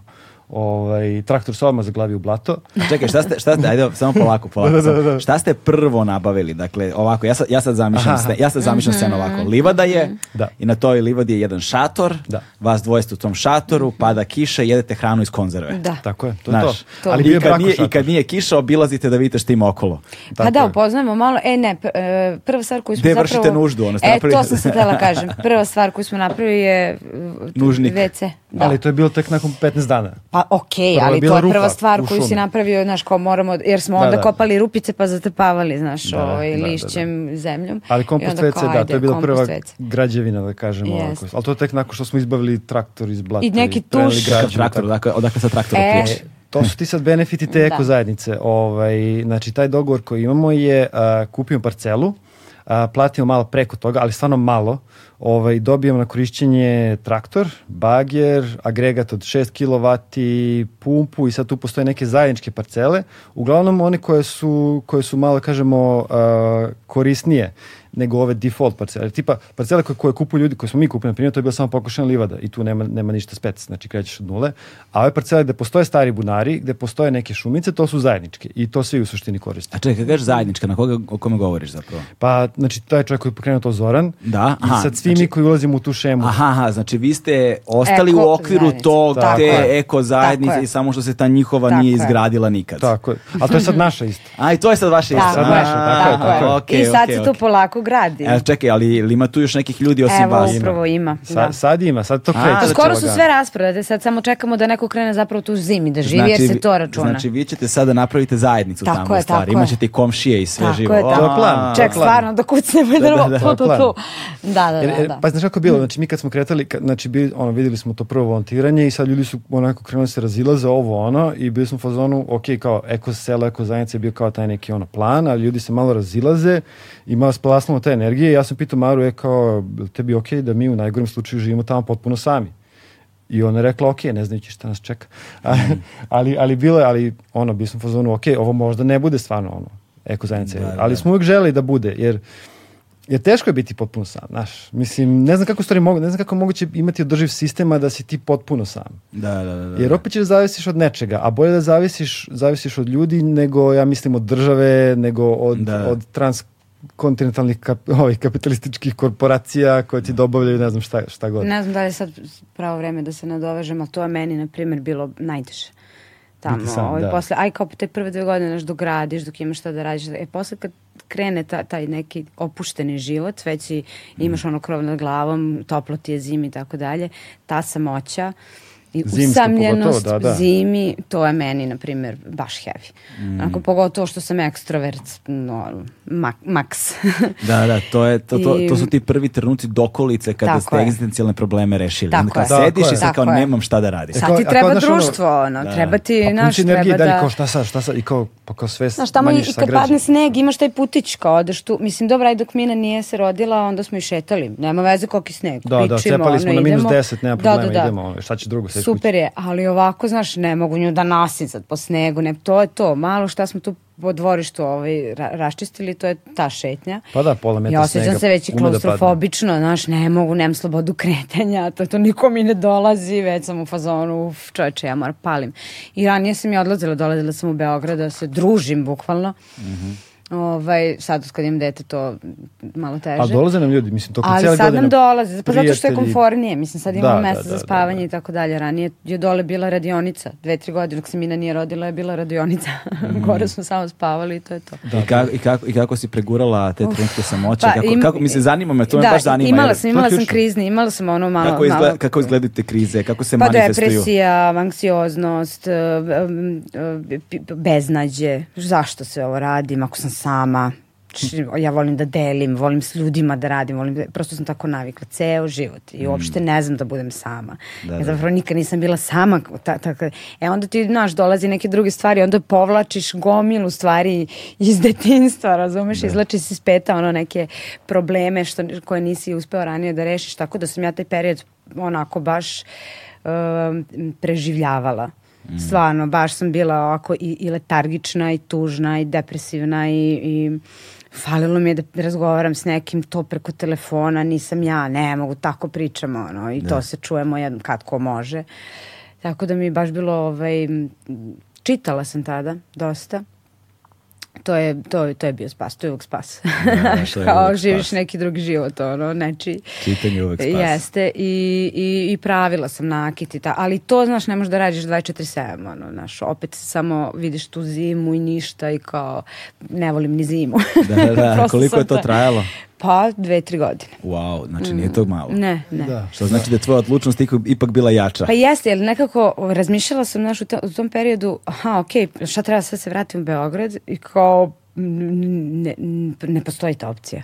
Ne, nema šanse. Evo i sada, znaš, imam tako te krizice kad mi neko duže ne dođe i to, pa ne bi se vratila sad, nema tih para. Sad već i, sam i navikla da budem sama i znam to, handlam i sve okej. Iako mi dalje prija društvo, Da. ali ovaj, stvarno nema toga. Ti kad jednom uđeš u ceo te, pogotovo kad ti napraviš svoju kuću, mislim, taj osjećaj, znaš, onaj ko nije napravio svoju kuću, ne može se sa to prenesi. Da, čudno, čudno. Baš I- je ono, jako moćan baš osjećaj. radi. I ne želiš to da napustiš nikada, nema tih para. ono, nema, nema ni tog društva na kraju krajeva. Da. A je mnogo nam je kvalitetnije druženje kada nam dođu ljudi Tako dole je. ovaj, i, sve, i o čemu pričamo i sve Jest. tako nekako opuštenije ovaj, ne, nego, nego ovaj, Pa znaš Kako u, u tim izo, u izolovanim situacijama a, negde ste prvo upućeni jedni na druge. To je Da, prva da, stvar. Nema, nema okolnih ono, Tako je. smetnji, nikakvog šuma je. sa Diverzije, strane. Da. Druga stvar, opuštaju malo društvene stege, Jest. društvene očekivanja. Apsolutno. Naš, Mhm. ono, e, e, to je, to je jedna stvar s kojom sam se, izvinjam što te prekidam, zaboravila sam jako bitna stvar. Ja sam skontala da sam posadila baštu i da meni niko nije rekao, ju što ti dobra bašta. Ali bez zezanja. Da, da, da, Ti- ja to u Beogradu htela, ne htela, uvek sam imala neko odobrenje ili Da, neku da, da, da. kritiku. Čuče, mi živimo s tim, non stop ti ne izvaljuješ, da te, non stop neki uticaj, dobar, loš, bilo kakav, non stop da. neko utiče na tebe. I doli si kao sam sa svojim stvarima koje si uradio ili nisi uradio i to je tvoja odgovornost. Mm. I nema sa toga, baš mi je bilo neugodno. Nisam znala ko sam uopšte, znaš. Gomila sam, znaš, kao ko sam, ono, s 30 godina, kao ko sam ja, šta radim ovde. Ali bukvalno, ono, dođe trenutak kad moraš s tim svim stvarima se suočiš. A to je meni bio tad, taj period kad sam za- zapravo po prvi put u životu bila sama. Da, da, da. da. I kad mi niko nije, ono, nikog nije bilo da mi kaže ovo ti je okej, super ti je ovaj paradajz, što ga nisi vezala ovako, što nisi ovo zalila ili ne znam nije šta. Sve na meni. A malo su to i te godine. Pa, jes. Znaš pa kao- ja sam s 28 otišla tamo. Mislim, okej, nije ni malo, nije ni... Da, do, mlado je to, znaš. Jeste. Kao naš 28 smo i dalje ono mladi. Pa, mogla sam im da rokam i dalje. Samo što uvijek Imala možeš- koju godinu. Uvijek Da, da, da, možeš da, da, da, da. rokaš. Rokala sam. Ali samo još koju. Da, znaš, da, da, da, da, da, Znaš, to je već ono na, na, na, na izmaku je, Da, da, znaš, da. na izmaku je. da, Pa o- i to je uticalo, ono, bili smo u fazonu, ok, šta sad, imamo, ja sam imao 30, ona ima 28 godina, ok, šta sad, dokle više? Ne, ne, stvarno smo treba da izrokali. se reši nešto na dugoročno, ono, Jeste, ili jeste. bar da krenemo u tom smeru. Da, da, da, da. Pa ja sam zapravo krenula jer, e, kao što sam i rekla, nemam plan. Da sam razmišljala o porodicu, vjerojatno bi se uplašila malo, da li to želim ili ne. Meni je u glavi bilo to je to, idem pravim kuću čoveče. To, hoću to, hoću to, to iskustvo, to mi treba. Bili mi zajedno posle ili ne, ja želim da napravim tu kuću, pa ćemo da vidimo. I naravno stvari su otišle gde jesu, što je super. Što je super ispalo. da. Je, čoveče. I, ovaj, I sad vi ste tamo, dakle, a, dakle postoji ta zajednica, a, i vi ste uzeli, gde smo stigli do traktora, ali tako? Šta vam se traktor zaglavio u Traktor, blatu? Da, da, da. I sad mislim, ono, prvo što se glavi drugo što ja nisam još sad da umem da ga vozim, pa sam prvo učio da ga vozim, pa onda nešto ono. Jer tipa istovare građu sa stovarišta gore na putu, to je nekih 700 metara iznad nas. Nije malo. Nije, ne, mislim, prenosili smo kolicima par puta po blatu, koliko smo mogli da napravimo WC. Da. Ali, ali aj sad kao za kuću. O, a ni put nije baš postojao. Bio je ucrtan katastarski put koji je potpuno ono bio urastao. Ne, ne vidi ta- se, mi tako smo da ga sekli. Ono. Ma da, da mislim kuće Da, da, moglo da. tu da prođe. Tako da, sve smo ono morali bukvalno da, da resetujemo na, na, na neki ono prihvatljiv nivo. Uh, ali u suštini, znači, eto, došli smo u maju, te neke osnovne stvari dok smo odradili. Uh, je vrlo bitno pomenuti šator koji smo koristili, nije bio klasičan šator u kom se spava na podu, nego brako šator, onaj, ne znam, kao, znam. kao prikolica šator koji se kači na auto i onda ga ti dovezeš tu i on se onako... kao sobice i on se imaš tri. rasklopi i onda bude kao sobica. Aha. Imaš tri sobice zapravo. Da, da, da. Dobro, da. dobro. Sam ja odmah napravila gajbu od toga. Da, bilo jako lepo. Ovaj, ali jako bitno je da, da kada se probudiš, ti spustiš noge i ustaneš i kreneš da radiš. Da, da. To je meni bitno, jer ono, ako, ako ležim i onda sad kao ustajem, a, nema mesta gore, ovo, ono, taj, taj neki proces nam je bio jako bitan. I tad smo meditirali nešto, nešto ovaj, svako jutro, ja mislim, čuš, kako, kako smo to prestali, ali da, eto vidiš. Da, da, ja, ovaj, dobro, to je taj početni entuzijazam, znaš, Yes. kada se adaptiraš, oslobađaš se prethodnog, a novo tek počinje, pa si negde između dva sveta još uvek, Da, znaš. da, da, da, I da. onda je potrebno balansirati sebe na neki način. se. Mm. Tako je, Ne, tako je. ali ovaj, vidiš, zanimljiv je taj koncept kao važno mi je da ustanem i da počnem da radim. To je jako Znaš. bitno, da, da, da, da, da, da. Ili barem da se krećem, da se nešto dešava, Mm. ovaj, da tako počne dan. Ovaj, Mislim, jednostavno, spisak posla je bio beskonačan. Ma da i to, ali mislim, ako ti je leto, ne možeš ti tu da počneš da radiš u 9-10. Da, da, to je već... 40 Ne, ne, stepeni, mislim, dobro, nije 40, ali... U šumi nije, Boga mi znaš, prve, pa i nije, Boga mi... Boga mi, u- u- imali smo u 17. šum- kada je bila ono baš toplotni talas, 40 dana bez kiše, temperatura 41 i kod nas u Da. šumi je bilo 38, boga mi, Da, da, znaš. da, ne, nema la- ladovine. Sva sreća pa smo imali taj bunar ovaj, pa, pa nas je Ali hladno. noći, noći se ono, sve to resetuje. Jeste. Da, da, Znači da. bude ono 18, 20 Da, stepeni, posebno taj kraj, to uvek Da. padne temperatura, Da, Ma, potpuno druga dimenzija. Čak i duks obuče, znaš. Da, da, Pa ne može se spava, je- na, da, da, nikad ne može se spava napolju noću, ono, bez tipa šatora. Ali to ujutru, znaš, to ranije ustaneš, što ćeš posle uraditi, što tu nema šta. E, sad, kakav je prvi kontakt sa prirodom tamo? Uh. Ovaj, Šta sve nismo znali, to je, to je, to je Super ti je pitanje, jedno sam čekala. bla, blame je ono šta sve nismo znali. e, ne, slobodno. Mene nije blam, zato što... Ovaj, Nismo ni mi ovde ništa bolji, tako da slobodno E, pričaj. tu da. ti je sad, ima, ima onaj jedan moment tehnologije i prirode. Ovaj, e, čuješ svašta i nemaš pojma naravno šta je i sad ok, to te preko dana ili registruješ ili ne registruješ, ali te ni ne plaši. Da. Ali noću se dešavaju jako interesantne Jer noću stvari. žive životinje. Jer Danju noću se žive sve ljudi, kreće, a znaš. oni su navikli da žive izvan Sad našeg mi smo, vremena. naš šator je bio tik u šumu, ovaj, jer kao da nam bude hl- hladnije, jel? I, ovaj, I svako veče se čuje, jel da smem da izimitiram zvuk? Slobodno. I to se čuje.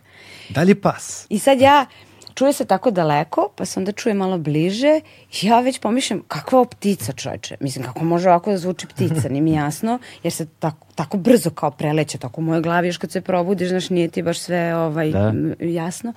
I to je trajalo i trajalo i trajalo i dok sam ja na večer, ta, baš je bilo blizu i kreće taj zvuk i ja se budim, oko hvatam Aleksandra za bučinuku, šta je ovo? Sad ću da izađem napolje i da se suočim. Da ga to, to. rešim. Ja ne mogu više ovo da podnesem. Nisam izašla na šta je bilo. Prestalo je, da. I rekao, ajde čoče mi da odemo na YouTube da pustimo zvukove ovih životinja koje ovde žive, šta može da živi. Sad kad ćemo da nabrajemo, kao srndać, da vidimo Srndać, srndać. Srndać, Kao, da. ali ima tačno neke skokove kad rekao da kad, tako kad skače, da, srndać? da, Da, da. da, da, da, da. I onda, I onda smo tako krenuli sve životinje, kao aha, da vidimo kako lisica je jeziva, na primjer. uf. I s- kao gola žena trči po šumi, tako nekako, i vrišti. Kao, Kako vrišti, Da, da, da. bukvalno luda, baš je jeziva. Šakali, u šakali, su Šakali su, da, kao da ih neko Pogotovo kad su čopor ovo. Da. Vukovi su. Vukovi su, Vukovi su u. stvarno. Kad čujemo vuka u divljini, Oni su baš onako mo moćni. moćno. Moćno da, da, da, da, da. Ovaj, ježevi znaju da budu interesantni jer poteraju pola šume sa sobom na svojim bodljama, znaš, sašta im se zakači, Prave pa ti bu- imaš trip da je to sad neka životinja. Prave buke kod da je medved ono vuče. Da. Da, da, da, da, da, da, da. je. Tako da, ovaj, baš je dinamično. Divlje svinje smo jednom videli. Da. Nismo ih nikada Zabilaze nas divlje čuli. svinje uglavnom, ali, ali ima ih tu. To dok su lovci još, dok nisu zapravo znali da mi tu živimo, prolazili su tu, da što mene strašno frustriralo. Ovaj, pa se zeznu, znaš, kao ju, kao, otkud ovde kuća. A ta naša livada izgleda njima bila, pošto između dve šume i baš im je bila izgleda interesantna da tu da prolaze, znaš, kao brzno im je. Da Tranzicija kao, neka, Tako da. je, da, da, da preskoče. I ovaj, A imam puno srndaća tamo. baš, baš, da. Baš. Mm. Izgubili smo, pa ja mislim, 15 sadnica, samo na srndaće. I to u krugu od tipa 20 metara od naše Dođe kuće. malo da se A divlje svinje vam nisu propastile voćnjake i to, a? Ne, pošto ne. one obično kada se napravi vole da dođu. Pa izgleda da imaju uh, hranjenih lovci. Ali i oni Aha, vole žireve da jedu, to Vole žireve, a mi, mi smo u hra, Da, da, da, hrastove da, da, šumi, da. nema potrebe. Mislim da njima klopa nije frka. Pa imaju i pse koji sad stalno laju, tako da... Previše pas. Ali zašli smo na par puta ovaj, na mesta gde, ovaj, gde, gde žive. Pa da, tačno se u šumi. vidi Tačno kako se vidi da su kopaju. utabali ovo, ono, Mm. i to je tu možda neki kilometar, dva od naše Tako kuće. da, ja, ptice su, na primjer, interesantne meni. Tamo to nisam videla nikad onakve ptice. Kažem bi Aleksandru jedno jutro, čeče, jednog papagaja u dvorištu. Ne mogu da verujem, fluo zelena ptica s crvenom krestom, baš onako zanimljivo i kao pobego nekome, znaš. Da. Totalno sam to istripala, kao znam da nemam papagaje. Kao papagaj i onda smo Detlić, googlali. zelena žuna. Zelena žuna. Tako dobro izgleda egzotično, ne mogu da verujem da takve ptice postoje kod nas, nikad Pa to nisam. pupavac. Pa da, pa mislim stvarno su fenomenalne, zanimljive. One mi sad postoje jako interesantne. Kako zove nauka o pticama? O, ornitologija, Tak, tako, tako, da, nešto. Da. E, to ću, počet ću da se bavim tim. Pa ima, ima stvarno i su knjige sad o tome, ali treba, treba se to stig, dođe na red. Ali, ali malo pa malo učimo, ali stvarno je zaprepašćujuće koliko malo znamo kao, ovaj, kao gradska deca. Pa da, ništa čoveče. Ali brzo ništa. se prila, brzo Mm. upadneš u fazon. Sad me, naš, sad me to odmah poteće na ona ima neki mim uh, kad ti poka kao mim kao brendovi koje prepoznaješ i kao Da, da, lišće i A, biljke da, da, da, prepoznaješ da, da, jedno. da, da, kao Lacosta, kao. Da, da, da, kao, kao, sam ali ne znam šta je ovaj list kao, znaš, Jeste, nemam jeste, predstavu. jeste. I to je nažalost Jest. o, istina. A to ide mnogo dublje, mima. pazi, to ide mnogo dublje od toga. Mi u gradu ne znamo skoro ništa ono o našem životu. Znači ne znamo dakle nam voda dolazi, Da. gde nam ide voda, a, gde nam ide đubre, odakle nam struja dolazi, odakle nam hrana dolazi, znači tu se samo nekako... Odakle nam internet dolazi. Jest. Pazi to, kao ljudi ne pazi, da još postoje data mi- centri, ono, razumeš? Još smo i se mi kao dešava. izvini što te prekidam, još smo i mi kao, kao nešto i blejali po prirodi. Znaš, zamisli Ma neko ko to, da, da, da. uopšte nije nikad ni kampovo, znam takve ljude, ono. Ne, sad sam, znam, kakve nisu- pečurke rastu tamo. O, razne. Pa lisičarke su nam ono top. Znači Da. njih ono beremo. Lisičarke, vrganji. Vrganje ima, njih malo ređe jer ih teže i prepoznajemo, ali lisičarke baš ono, bukovače ono kad se... Evo, šumsko desi. pile, u šumsko pile je fenomenalna pečurka, ne znam da si ja. Da, da. Nisam još šumsko pila nikad. Da. Pa Pa kao ono pile, znaš, pečurku i bukvalno. jako je teško ono, Fenomenalno. napraviti razliku između njega i belog mesa. Ovaj, s tim što je nekako još i ukusnije meni. Jeste, Uglavnom jeste, ima, ima pečuraka baš Što dosta. znači uspeli ste da se mrtnete od ono konzervirane hrane. Ma kako da ne. da, ja. Ma ja, to nisam nikad ni voljela da To. jedem. A tebi ali- Kao e, ja, šta, ja, ja, ljudi, će, ljudi koji slušaju redovno će primetiti da smo opterećen takvim stvarima, ali valjda kao gradsko dete, to mi je ono, znaš, mi imamo ovo malo sledovanje neba, znaš, ako imaš sreće da ga vidiš, ovaj, a od svetlosnog zagađenja ništa ne možeš da vidiš, Zvezde. znaš, i onda kako izgleda, vi verovatno tu okolini nemate nikakvo svetlosno zagađenje. Ništa. ništa, ništa, Jedino nula, svetlo se vidi neki Sa tog repeti- repetitora, Tako da. je. Da, ali nema grad, mislim, pazi, najbliži grad je Zaječar koji nije nešto pretrano osvetljen i on je na 20 km, Bor je na nekih 50, možda malo jače. Ne, ne, zvezde su Ne, ludilo. ne, ne, mlečni put, Ludilo. la- lagano, vidiš, evo, za rođendan naručujem teleskop. Sve, stvarno mi treba. Znaš, kao ti dvogledom možda viš mesec, mislim, to je ludilo i to je doživljaj, a mogu da zamislim teleskopom tek šta sve tu možda uhvatiš. Mm. Tako da treba imati teleskop ako živiš na onakvom mestu. I de, desi se ponekad, ovaj, mislim, pogotovo kad je zima, ono, zablejemo, mislim, padne mrak tipu 4-5 i sad već više ne izlazimo napolje.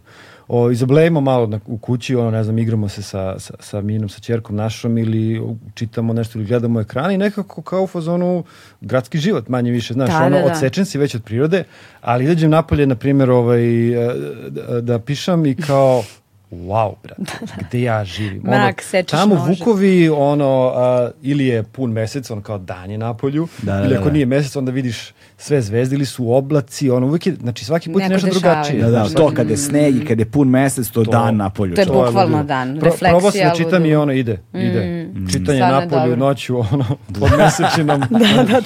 Neverovatna stvar, čovječ. Fenomenalno. I ovaj, e, ajmo sad e, malo ove praktične stvari pa ćemo se vratiti na ove egzistencijalne. Ovaj, a, dakle, vi ste, a, šta, šta, zašto ste uzeli taj traktor uopšte koji mi se zaglavio u blatu? ono? Traktor je, pojenta traktora je tu bila najprije da se transportuje materijal. Jer je- Aha, okej, da, da. da, se, da se povuče ono kad treba, da ne moramo to sve automobilima i...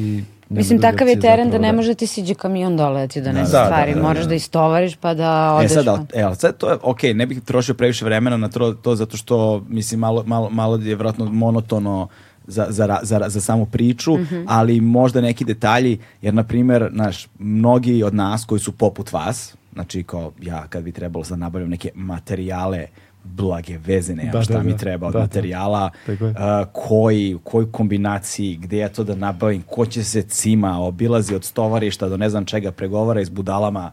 Znaš, kao, razumeš šta ću ti kažem, znači prosto, znaš, sam, sam, sama pomisao na tome već obeshrabruje. Ima ljudi koji vole, Znam ljude koji ono kad im je, ka- kada su anksiozni sednu pa gledaju, ne znam, oglase za stanove 5 Da, sati. da, da, da, da, ja da. kad vidim oglas hrčem, znači ne, ne, nema šanse. Meni staviš attachment u mail, ja sam u fazonu smo se posvađali. znaš, ja nisam taj lik. Znaš.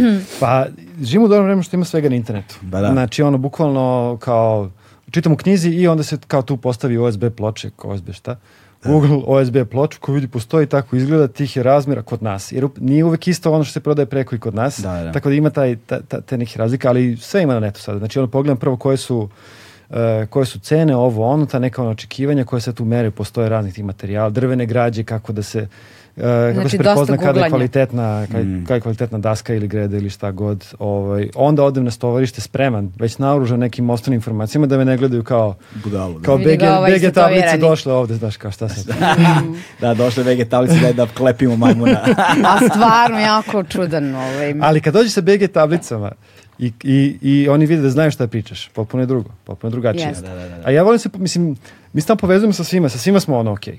Sa Da, svima smo okej, super. stvarno. Ono, i, sa, I čak i, i sa lovcima, i s ljudima na stovarištu, Da, i sa poljoprivrednicima. Znaš, ono baš nemamo, nikoga nismo otpisali. Kao, e, to Ja. što ti, mislim, ono ljudi prskaju, razumeš, ono, voćnjake, ali to ti je tako, mislim, Da. to je sistem u kome živimo, ne možeš ti sad njemu kažeš, e, ajde sad ti ono, zaboravi taj kredit što imaš i sve te subvencije i sve to i pređi kao odjednom Mm. na kao permakulturni voćnjak, ono, organska polikultura.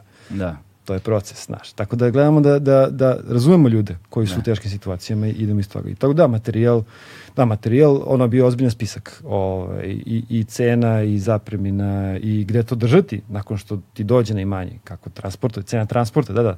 To, to je bio ključan, ključan ovaj moment. Dakle, šta je, znači prvo ste morali, da, da, ono što znam na zemlji, prvo izglediš nužnik pre nego što počneš da radiš bilo je. šta, to je prva stvar. Tako je. Druga stvar treba da izgradiš gde ćeš da držiš sav taj materijal koji ti stigne, ono, znaš. Možda tuš. To je bilo idealno kada bi mogli da izgleda, da, tuš smo isto, da, tuš je jako brzo u suštini, da. Kako ste napravili laganica. tuš, ono, čega? Ču zaboli četiri ne, ne Pa, ono, grede da. i kao zavisa i to je to. Pa to da, ali čim- ali kako ste, sa- a gde ste vodu nabavljali? Aj, kupiš one balončiće što imaju česmicu dole i onda okačiš samo na drvo ili negde. Imali smo, Imali stari smo i bunar kese. Tamo, da. Pa, pazite, Aha, vi ste uzeli zemlju sa starim bunarom. Nije. Ima, za- ima, stari ima. bunar je bio u zajedničkoj, On je bio. na zajedničkoj Da, on parceli. je postojao. I sad jako bitno kod, uh, u tom regionu da smo mi, mislim mi sad tu smo ono jedina kuća u krugu od 2 km, ali u krugu od 2 km postoji preko 10 temelja starih.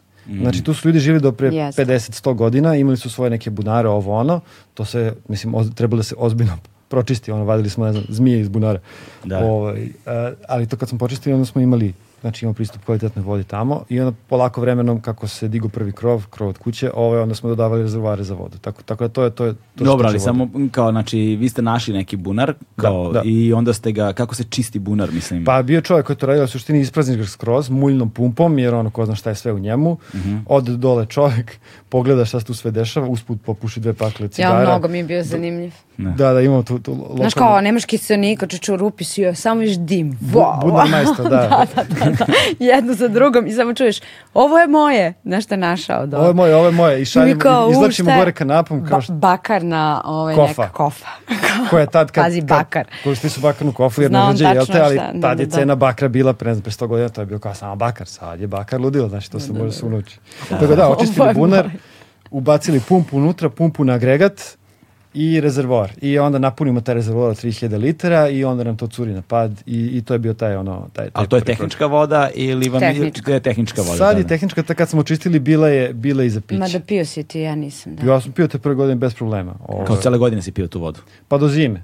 Da, Jer da. zimi problem ovaj kad se otope snegovi, ako su baš veliki snegovi, onda se Malo to preliva mulj. preko, Mm. izmulja se, treba opet da se pročisti. Tako da smo, tako da smo filtrirali vodu, vodu od, od već tog, te prve jeseni ovim aktivnim ugljem. Mhm. Uh, pa oni filtri što mogu se kupe, kada smo prešli na neke bolje filtere, berki, Da. uh, i, i Da, to tu, je to. tu istu vodu iz bunara. Da, I ili, kišnicu. ili kišnicu. Ili kišnicu, Da, da, i da, da. kombinujemo ono, tako da, Da, da. I Treba malo zbog minerala da se kombinuje, pošto kišnica baš ono... Nema ni kalcijuma, ni magnezijuma. Mada uzimamo to mi dosta iz hrane trenutno u modernom društvu, tako da nije toliki problem. Ali, ali ako, ako postoji mogućnost, nije loše kombinovati bunarsku sa kišnicom. Da ne bude baš kišnica, ono, konstantno, za piće. Ili bar neka Meka tekuća voda koja je, da, baš je mekana. I za tuširanje, ono... E, za kosu je super. da, da, da. ne treba ti balzam. Ovaj, e, i do, ok, dakle, e, napravili ste nužnik, e, pročistili ste bunar, napravili ste tuš Da. i kao sad treba i, na, i, i nabavili ste neki alat Alat smo imali, on je bio tu, da, u... u tom zajedničkom kao... Ne, bio u šatoru da smo mi spavali. Ma to je bilo ludilo, ono, preskače taj alat, ovo, ono. Ma da. Pojavilo se i kuće odmah, nakon mjesec dana. Prvo smo našli zapravo mačku na Da. pijaci. Malu macu, tačkicu, ovaj, i posle par dana se pojavila tajna naša koja je ispratila ceo događaj. Sve vreme je tu samo dok smo To nam pravili je, to, kuću. a to je bilo, mislim, to je nam bila prva svađa na imanju. Da. O, ovaj, odjednom pojavlja se kuca i ja sad kao, pa kako bre čoče, znači nemamo hranu za nas, još treba i, i kuće da pazim, a uvijek mi je taj trip onog, ako, ako sam odgovoran za nekoga, odgovoran sam do kraja, znaš. Da, da, da. I tako je naše kuće, to je to, gotovo je. Ja Ovaj, ih hranim je krišom. da, tamo. da, da, a, a ja ne mogu zamislim to, znaš ono, imam Da, kao, da, baš. treba da mi stiže materijal, kao sad treba da idem ono 10 km da se vozim da kupim kao hranu za pse, znaš. Da, da, da. A ona je, ona je bila u fazonu, pas, ona, znači pojavila se tajna, uh, ja sam tu, to je gotovo. U suštini kao spava ispod traktora, ja je otiram odatle, ode spava ispod drveta, otiram odatle, on se vrati ispod traktora, znači ona je odabrala to naše imanje, on će tu, a ne, odakle je došla, nema pojma. Ali e, interesantno je što je, um, mislim da je bila nečiji pas, jer tako izgleda negovano i toliko je pametna. Da, Kao da, da je da. Sve je dresirana, mislim, odmah, sve, odmah, odmah. neverovatan pas, stvarno. I ona ovaj. sad dresira sledeće pse koje nam se pojavljaju na imanju. Koliko toliko, neki su malo luđi, ali, ali, ali prenosi znanje. Uglavnom, ovaj, da Dakle- ne skrenemo puno s teme. Ne, ne, ne, ne, ne, ne, sve, sve, sve ovo okej. A, I e, kao sad treba da počnete, ne znam, ono, da pravite sebi kuću. Tako je, to je bilo, to je, to je bilo ono, e sad, sad više nema zezanja. Ovo kad krenemo, to je to. I sad, znaš, kao imaš ono livadu, nema ništa na livadi i šta... Pa prvo odrediš gde će ti ti bude Mm. kuća. Da. Uh, koji ti pogled odgovara. Prvo po, po, po permakulturi ovaj, treba, treba i prozori da budu na jugu da Mhm. bi ti se zimi grejala kuća, a da bi ti, a leti se hladi jer je sunce iznad više. I ovaj, onda smo određivali gde. Uh, kad smo to odredili, onda smo radili temelj. Ne, ne, prvo smo, dobro, da, temelj, ali prvo uh, kopanje bagerom, jel te? Ovo, sećam, imali a da, smo da, taj da bager. poravnjamo. Da, To je taj da. zajednički. Taj zajednički, da. Koji je malo stariji od mene, nije u najboljem stanju, ali ja tu iskopo nam je, poslužio nam, iskopo nam je temelj. Ko je, ko, je, ko, je, ko je upravlja bagerom? E, pa to je bio majstor uh, Dobro iz sela. pitanje. To je, pazi, to je, to je jedino i dalje što, zašto kao plaćamo ljude da nam rade. Mm. Uh, da vozi bager. Ovaj, jer to nije nešto što ja pretredno želim da, da, ovaj, da znam, da nešto ne radi, vozim traktor, ok, to je sve. I popravljam traktor, osnovne neke te stvari koje treba samo za, da se zamene delovi, ali gledam taj bager, stariji od mene, uh, skup je dosta za popravku, nema potrebe da ja sad tu učim na, na njemu i da pravim greške kada ono ima tu ljudi okolini Ja koji bi će učila, to da meni je rade. to strašno zabavno. A mislim da bi baš dobro vozila bager. Ajde. Ali mnogo je mator, stvarno. Jeste stari čoveče, da. Ne- ne mislim, onaj ko ga vozi mora da umi da ga Tako je, održava. tako ono, sad, Da, to, da, sad to da, je to, ono, taj mač sa dve oštrice. Ali znači nam, ono, mnogo smo para time uštedili, jer da smo iznemljivali, ono, da nam dolazi bagerista da to sve radi, da smo iznemljivali traktor, znači to bi već, ono, cena bi bila drastično više nego ovo što smo, što smo sad ovaj odradili. Skupo je, da. Ali to kopanje, znači ravnjanje zemlje za temelj, to je bilo, to je to. Krećemo, krećemo gradimo kuću, to je bio taj ono. I tu je zapravo počeo onaj pravi arbajt, kao Da. radite Jest. ceo dan od jutra do mraka. Da, praktično I, to. i cimate se, ono. E, Jeste sami pravili kuću? Pa evo kako, znači E. sami smo isprojektovali potpuno. Uh, ja sam gledao neke već početne planove koji su bili na internetu, pa sam onda na osnovu toga dorađivali. Suštini ostalo je da bi statika bila ono sve ok, da ne moram da ulazim baš potpuno u te detalje, ali sam i te knjige sam čitao. Ovaj, znači imali smo već plan kad smo došli, na osnovu toga smo isplanili materijale. Uh, u početku, znači to sam početak, tu smo krenuli sami, ovaj, odmah su došli moji roditelji, e, porodica, prijatelji, znači, znaš kako su nas gledali svi pre nego smo krenuli, bilo je, bilo je ono malo kao, čekaj, idete kao tamo negde nema struje, nema vode, neka tamo ono, uh, istočna Srbija, divljina. Kao još pra- jedna zebancija ovo pra- dvoje. pravite- pravite nešto izmišljaju. da. kuću od slame, kao skupiti, znaš, ono, kao samo, samo kalemimo, ono, kao neverovatnosti. Znaš, Samo kalemite ludilo, kao dijagnoze. Samo da, da, da, da, da. Da, da, i tačno vidim gledaju nas i Bukvalno, ono da, da. kao, aha. Možda je da. intervencija neophodna za ovo Da, dvoje. da, da, da. Ali bili smo toliko odlučni, znaš, ono, sad ja dao otkaz, učim, čitam knjige, znaš, ne mogu opet da kažu kao, pa jeste sigurni? Ne, ne, to se videlo u očima, ali su bili ljudi u fazonu kao, Da, da. pa ne znam baš. Ali čim smo krenuli ono, kad smo se doselili, krenuli temelj, znači bio samo bam. Znači mi to, od tog dana nismo bili sami, ja mislim, jedan dan narednih, pa do zime u fazonu. Znači stalno svi dolazili, pomagali, tako da imali smo tu fizičku pomoć. Uh, neko vreme smo imali majstora, možda neki 4-5 dana, uh, bio je odličan majstor, ali nažalost još tada je bilo, znači 2016. Još tada je bilo uh, velika potražnja za majstorima, Da, za da, dobrim da. majstorima, uh, a njih je malo i tipa nakon pet dana majstor je otišao na, na drugo mesto da radi, nije mi se javio taj dan, nije mi se javio sledeći dan, trećeg dana sam ga pozvao, nije se javio i rekao sam sebi, a i njemu kroz univerzum hvala ti brate, dao si mi ono svu energiju neophodno da ja završim svoju kuću sam do kraja, ono bez majstora. I tako je i bilo. Wow, čoveče. Da. Ali, znaš, to mi je, ovaj, znaš, fascina, fascinantno je kada, kada posmatraš kao, kao gradiš, gradiš svoju kuću tamo, sad vi nemate ni struju, Bilo na agregata. Pa, E, imali smo panel, imali smo a, 500 vati, pa to je bilo isto da. deo zajednice. Znači dobili smo kao taj neki a, panelčić na korišćenje. Ali to ti je u suštini ono samo da se napune Ma da telefoni, puniš, da, da, da. se, da se ima neko svetlo. Ali agregat smo palili ovaj, po potrebi. da. Za veće late. I kako onda funkcioniše ovaj, život bez struje? Kako vam zapravo sad funkcioniše struja? Pa ograničeni okej, smo. da.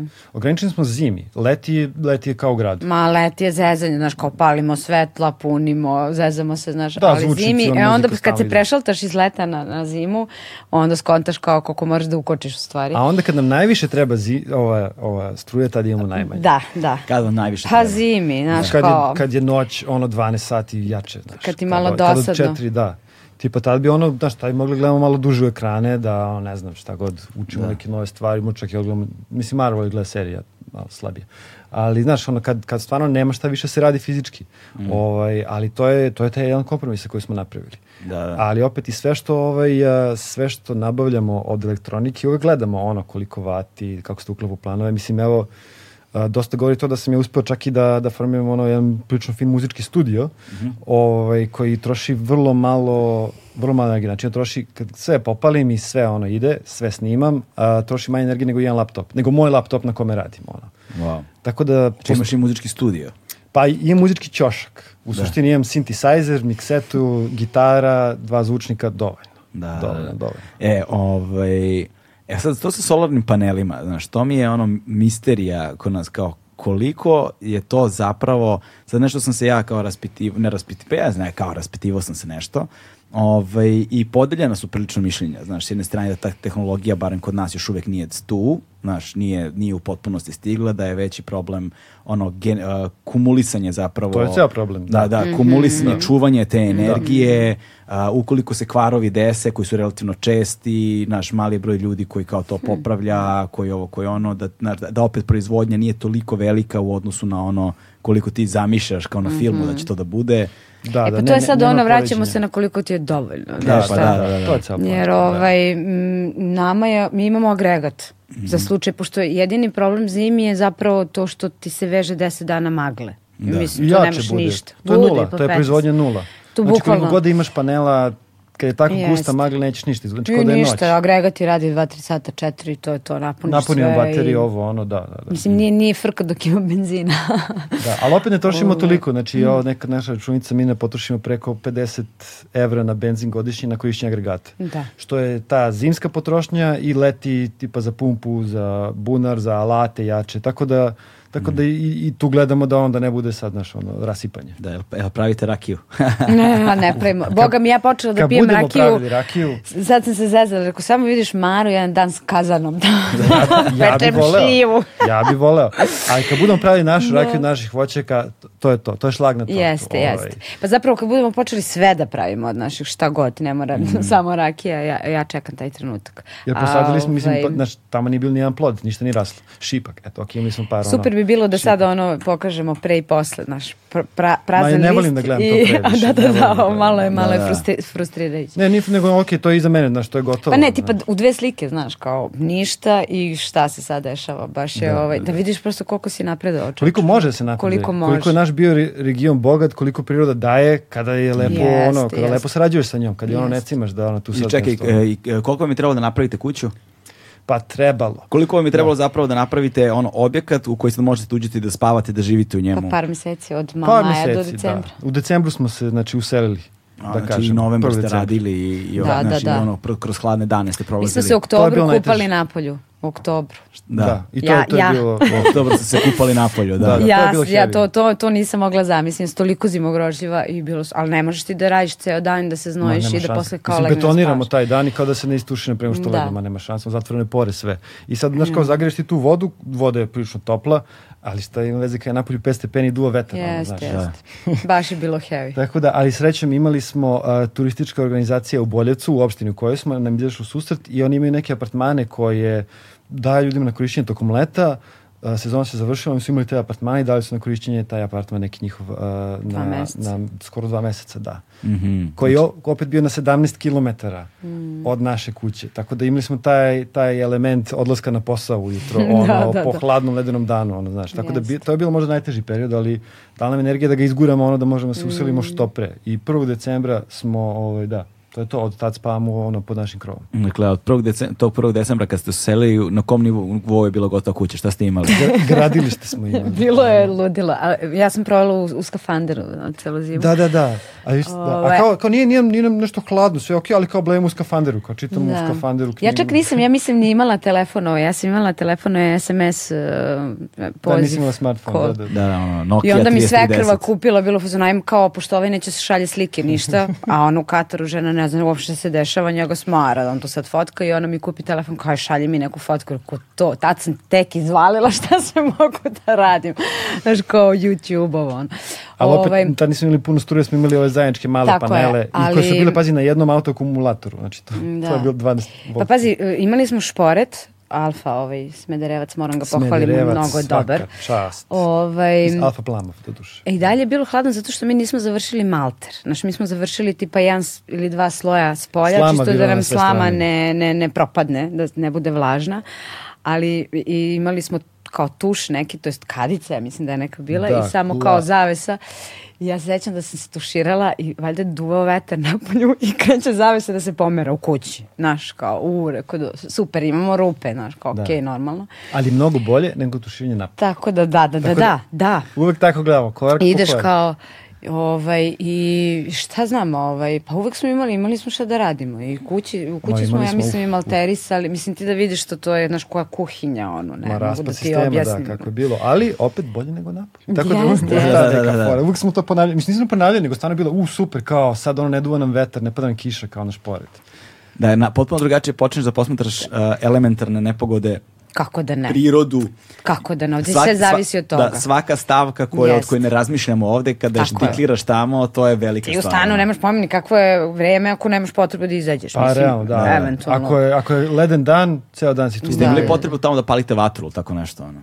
Pa ne nešto preterano, ovaj da. napolju misliš kao to. Da, da, da. Pa imali smo kad, kad se skupi veća ekipa, da. on sedimo oko da. vatre i to, ali ali Pa nismo. Pa ne, u, bili... sećam se da se uveče, ono, završimo, to, to je to, idemo da spavamo odmah. Da, da, da. da, da. Izblejimo sad. E, ja sad pitanje za hranu, kada ste, ovaj, kada ste prvi 15 dana ono jeli, jeli ti skonzori, kada ste prestali jeti skonzori, šta ste jeli?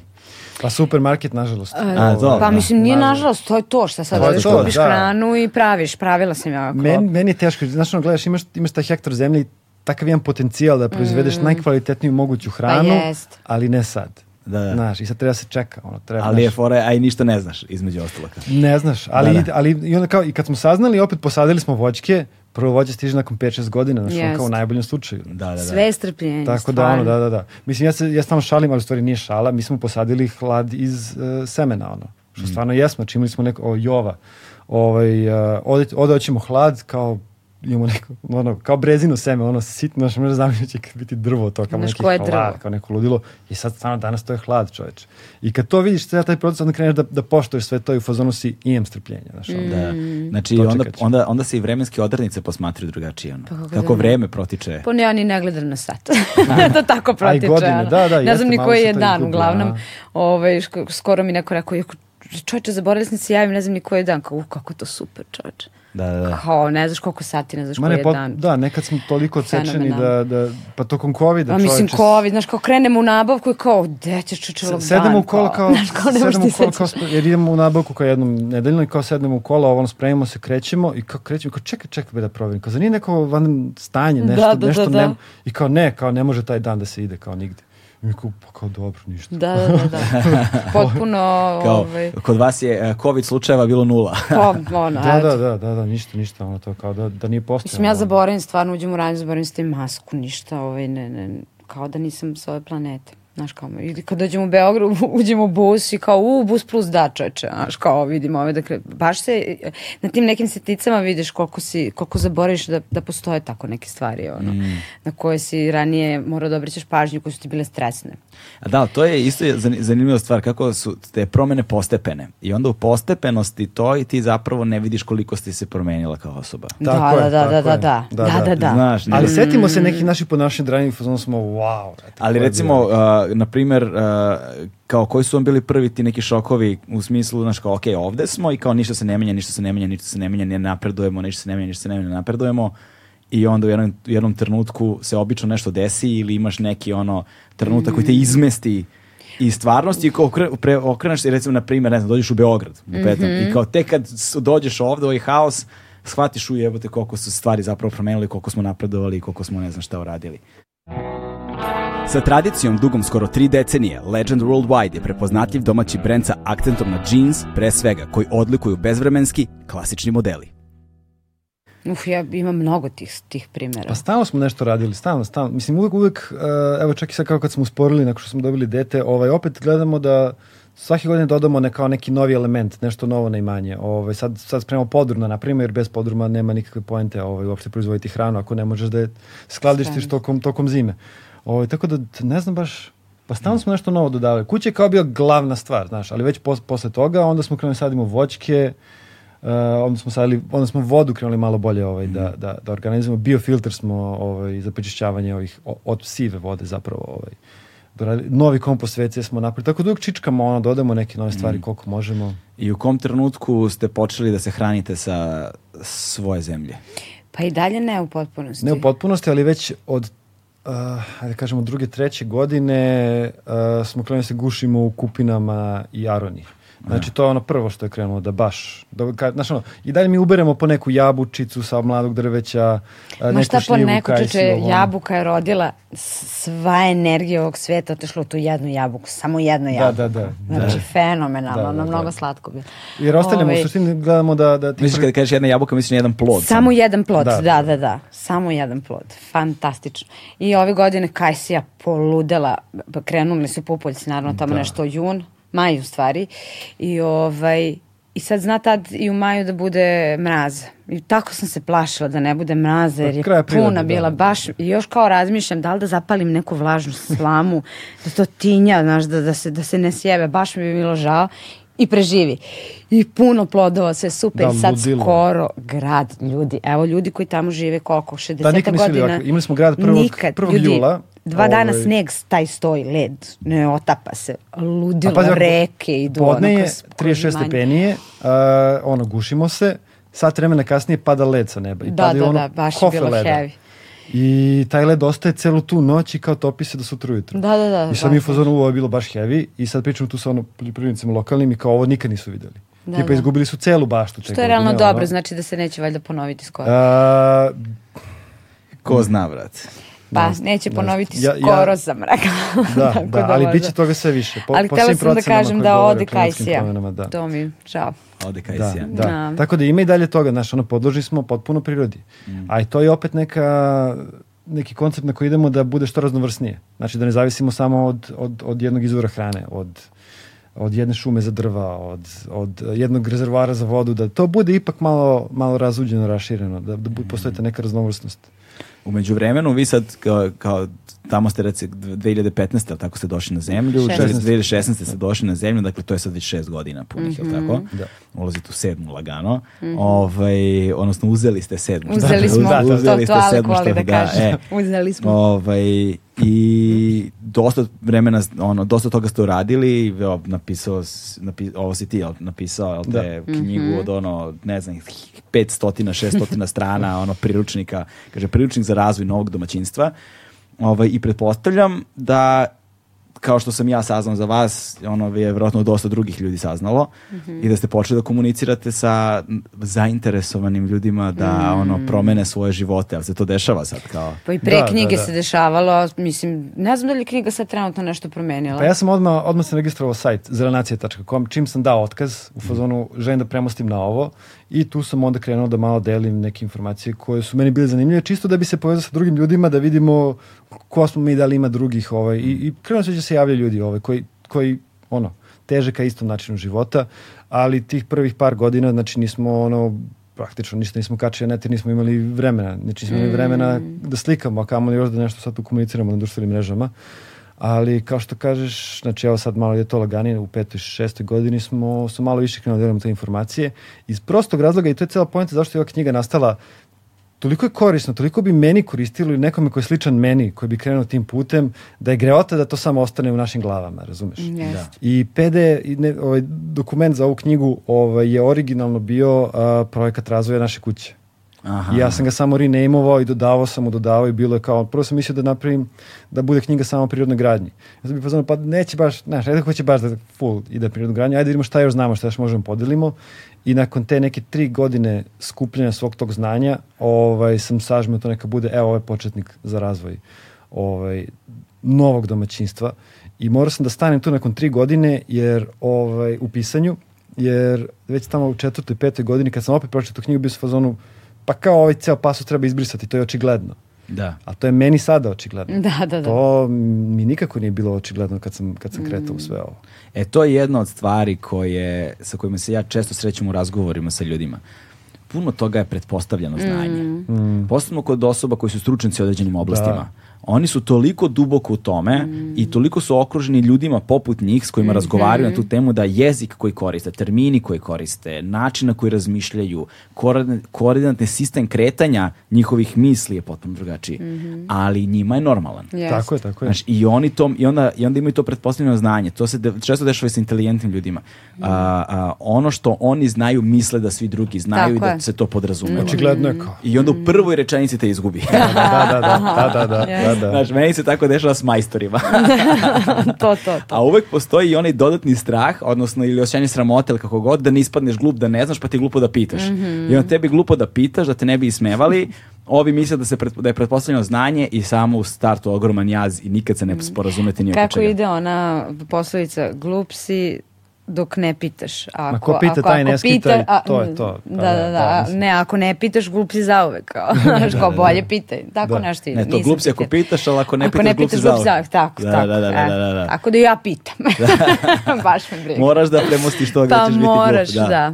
Da, I ovaj, je li neko na osnovu tvog priručnika započeo nešto? Jeste. Je li ima ljudi da su javili kao je ovaj priručnik odo ja E, još i ranije tek je krenula prodaja pre par meseci, ali već znamo par ljudi koji, koji, koji su još ranije krenuli to i ovim mm -hmm. samo još daje dodatnu energiju, dodatno znanje da, da guri. I to je ono što nam stvarno ispunjava srce, jer, ovaj, a, jer to je cela poenta da, da, ovaj, da. celog tog projekta. Ovaj, da, da bude još ljudi, jer stvarno mislim, mislim ja stalno ponavljam ono najteža stvar u životu tamo mi je što što drugi ne osjećaju, kad izađe napolje, gotovo naš ono kao, ono što kažem, znači u kući smo zime kao skoro to neki gradski život, izađem napolje i u fazonu sam, wow čoveče, gde ja živim, ono, kako utiče na moja čula, razumeš? Na sva čula, znači ono, vid, miris, zvuk, sve i baš, baš ono nekako mi žao, žao mi je sebe u prošlosti od pre 10-15 godina koji sam živeo u gradu ne znajući na to bogatstvo. Da. I koliko to stvarno ispunja. Mislim, znaš kao zvuči malo romantično ovo, ali kad to stvarno osjetiš, kad živiš to i kad je to svaki dan, tu nisam, znaš ono, otišao sam i bilo mi lepo 10 dana na Zlatiboru. Ne, brate, to je to, tu živiš. Ne, ovo nije, ovo nije lepo, samo za podcast, o, o, on ovo stvarno radi. Da, da, ono... Samo izađe i kaže, čoveče, vidi gde živimo, makija. Kako ba da. Ne, ono, koliko sam ne. srećan čoveče, ono, baš ono, yes. ispunjava me to. Već. E, sad je jedna, ove, jedna velika tema, a, dete, odnosno trudnoća u šumi. Mm. Znaš? Ovaj, pa nemam pojma, znaš kako, kao um, sad, sad bi više bila Čekaj, znači, kad, kad, si, kad si zatrudnala? 2018. 2018. Jul. Jul, avgust, jul. Znači, u trenutku kada si zatrudnala, koliko ste tada, šta ste tada imali? A, tad smo imali a, skoro završenu kuću. A, pa mislim na zidove. Da se, treba da se izmalteriše cijela kuća I da se ofarba. A izmalteriše, mislim, ono zemljeni malter, znači to je ono, to je ono bio opak posao. Da ovaj, se uradi I to nam se poguralo, ta trudnoća, da, da budemo da. u fazonu, ajmo sad. Da, jer malo smo, znaš, odlagali smo to, da, da bude sve cakom pakom unutra u kući, jer kao, što bi sad kao picanili gajbu kada kao i dalje nismo posadili voćke. Mm. Pa smo onda jednu godinu potpuno ono posvetili i bašti i voćkama i sve. E onda kad smo bili u fazonu, znači Mara zatrudnila, e sad treba da se to dovede na neki nivo da tu dete može da ono. Okay. Mm. Dakle, u tom trenutku ti sa, sa, Ove, saznaš da si trudna? Ali nemo saznam i plan, planski sve. A, a Excel, razumeš? ja živim sa Excel likom. ali ispostavit će se da je jako bitno. Da, da, ispostavit će se jako bitno jer ja nisam želela da se porodim na zimu jer bi mhm. to dodatno otežalo sve kretanje pa pre pa svega, tako, da. jer ti kao treba da se penjaš s bebom 700 metara po snegu do puta, pa da ideš na neke kontrole, pa da ne znam nija šta to nije dolazilo u obzir i onda smo planirali, aha, ako ja zatrudnim u junu, ja ću tamo u martu da se poredim idealno ovaj početak proleća, fenomenalno. Pa da, neko, neko I, onako, i stvarno, ako možemo da ispalo. da biramo, ako možemo da biramo, ajde da se radi na da proleće, da, da, te na ono na prve mesece da. provodimo u najopuštenijem. I, da I ovaj, pa ništa, ov, uh, ok sam funkcionisala, što znam, uh, posljednje dva meseca trudnoće sam bila u Beogradu. Aha. Jer nisam htjela da se zezam, ovaj, jer ovaj, padao je sneg i bilo je pitanje da možemo uopšte da siđemo autom dole, da se penjamo, uopšte nisam htjela da rizikujem, da razmišljam. Mislim, dešava se kad baš napada sneg, ovaj, ovaj, da ja parkiram auto gore na asfaltu i onda nas ček, onda imam nekih 700 metara mm. peške do gore, ali ja recimo ove godine to uopšte nije bilo. Da, a neki godinu ne to bude mesec dana i to I da ovaj, pritom sam ja ovako sva sitna, ovaj, pošto ne, neki slušaju, ali baš sam sitna. imala sam ogroman stomak za, za ovako sitnu ženu i ja da sam se kretala stvarno. I onda smo se dogovorili da budemo kod Alekovih, da ja budem, ta posljednja dva meseca, ovaj, tako da sam se snašla da, da, da, da, Sad verovatno ne bih to radila. Sad bi već bilo u fazonu sen kući pa šta bude. To je to. Da. Možda se i porodim u kući. tako da ovaj nije mi bilo, nije mi bilo nešto sad to problematično i nije bilo tako heavy zima, tako da je bilo okej. Okay. Bla, da, kako je izgledalo dva meseca u Beogradu? He, of, grozno. Sama sam bila baš mi bilo bez veze. Baš, mm. ovaj, navikla sam tamo i nekako, okej mi je i sad da dođem na, Be volim Beograd, stvarno, i volim, ali kad kažem Beograd, više mislim na sve te ljude koji su ovde, da. koje želim da vidim. To je to, to mi je Beograd, ne znam.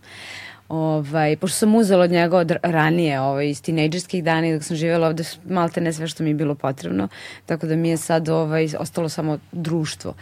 Ovaj, tako da mi je super da dođem na nedelju dana. Da. E sada, uh, porodila si se u Beogradu, pretpostavljam. Yes. Da, ovaj, Narodnog fronta. No. Naravno, eto.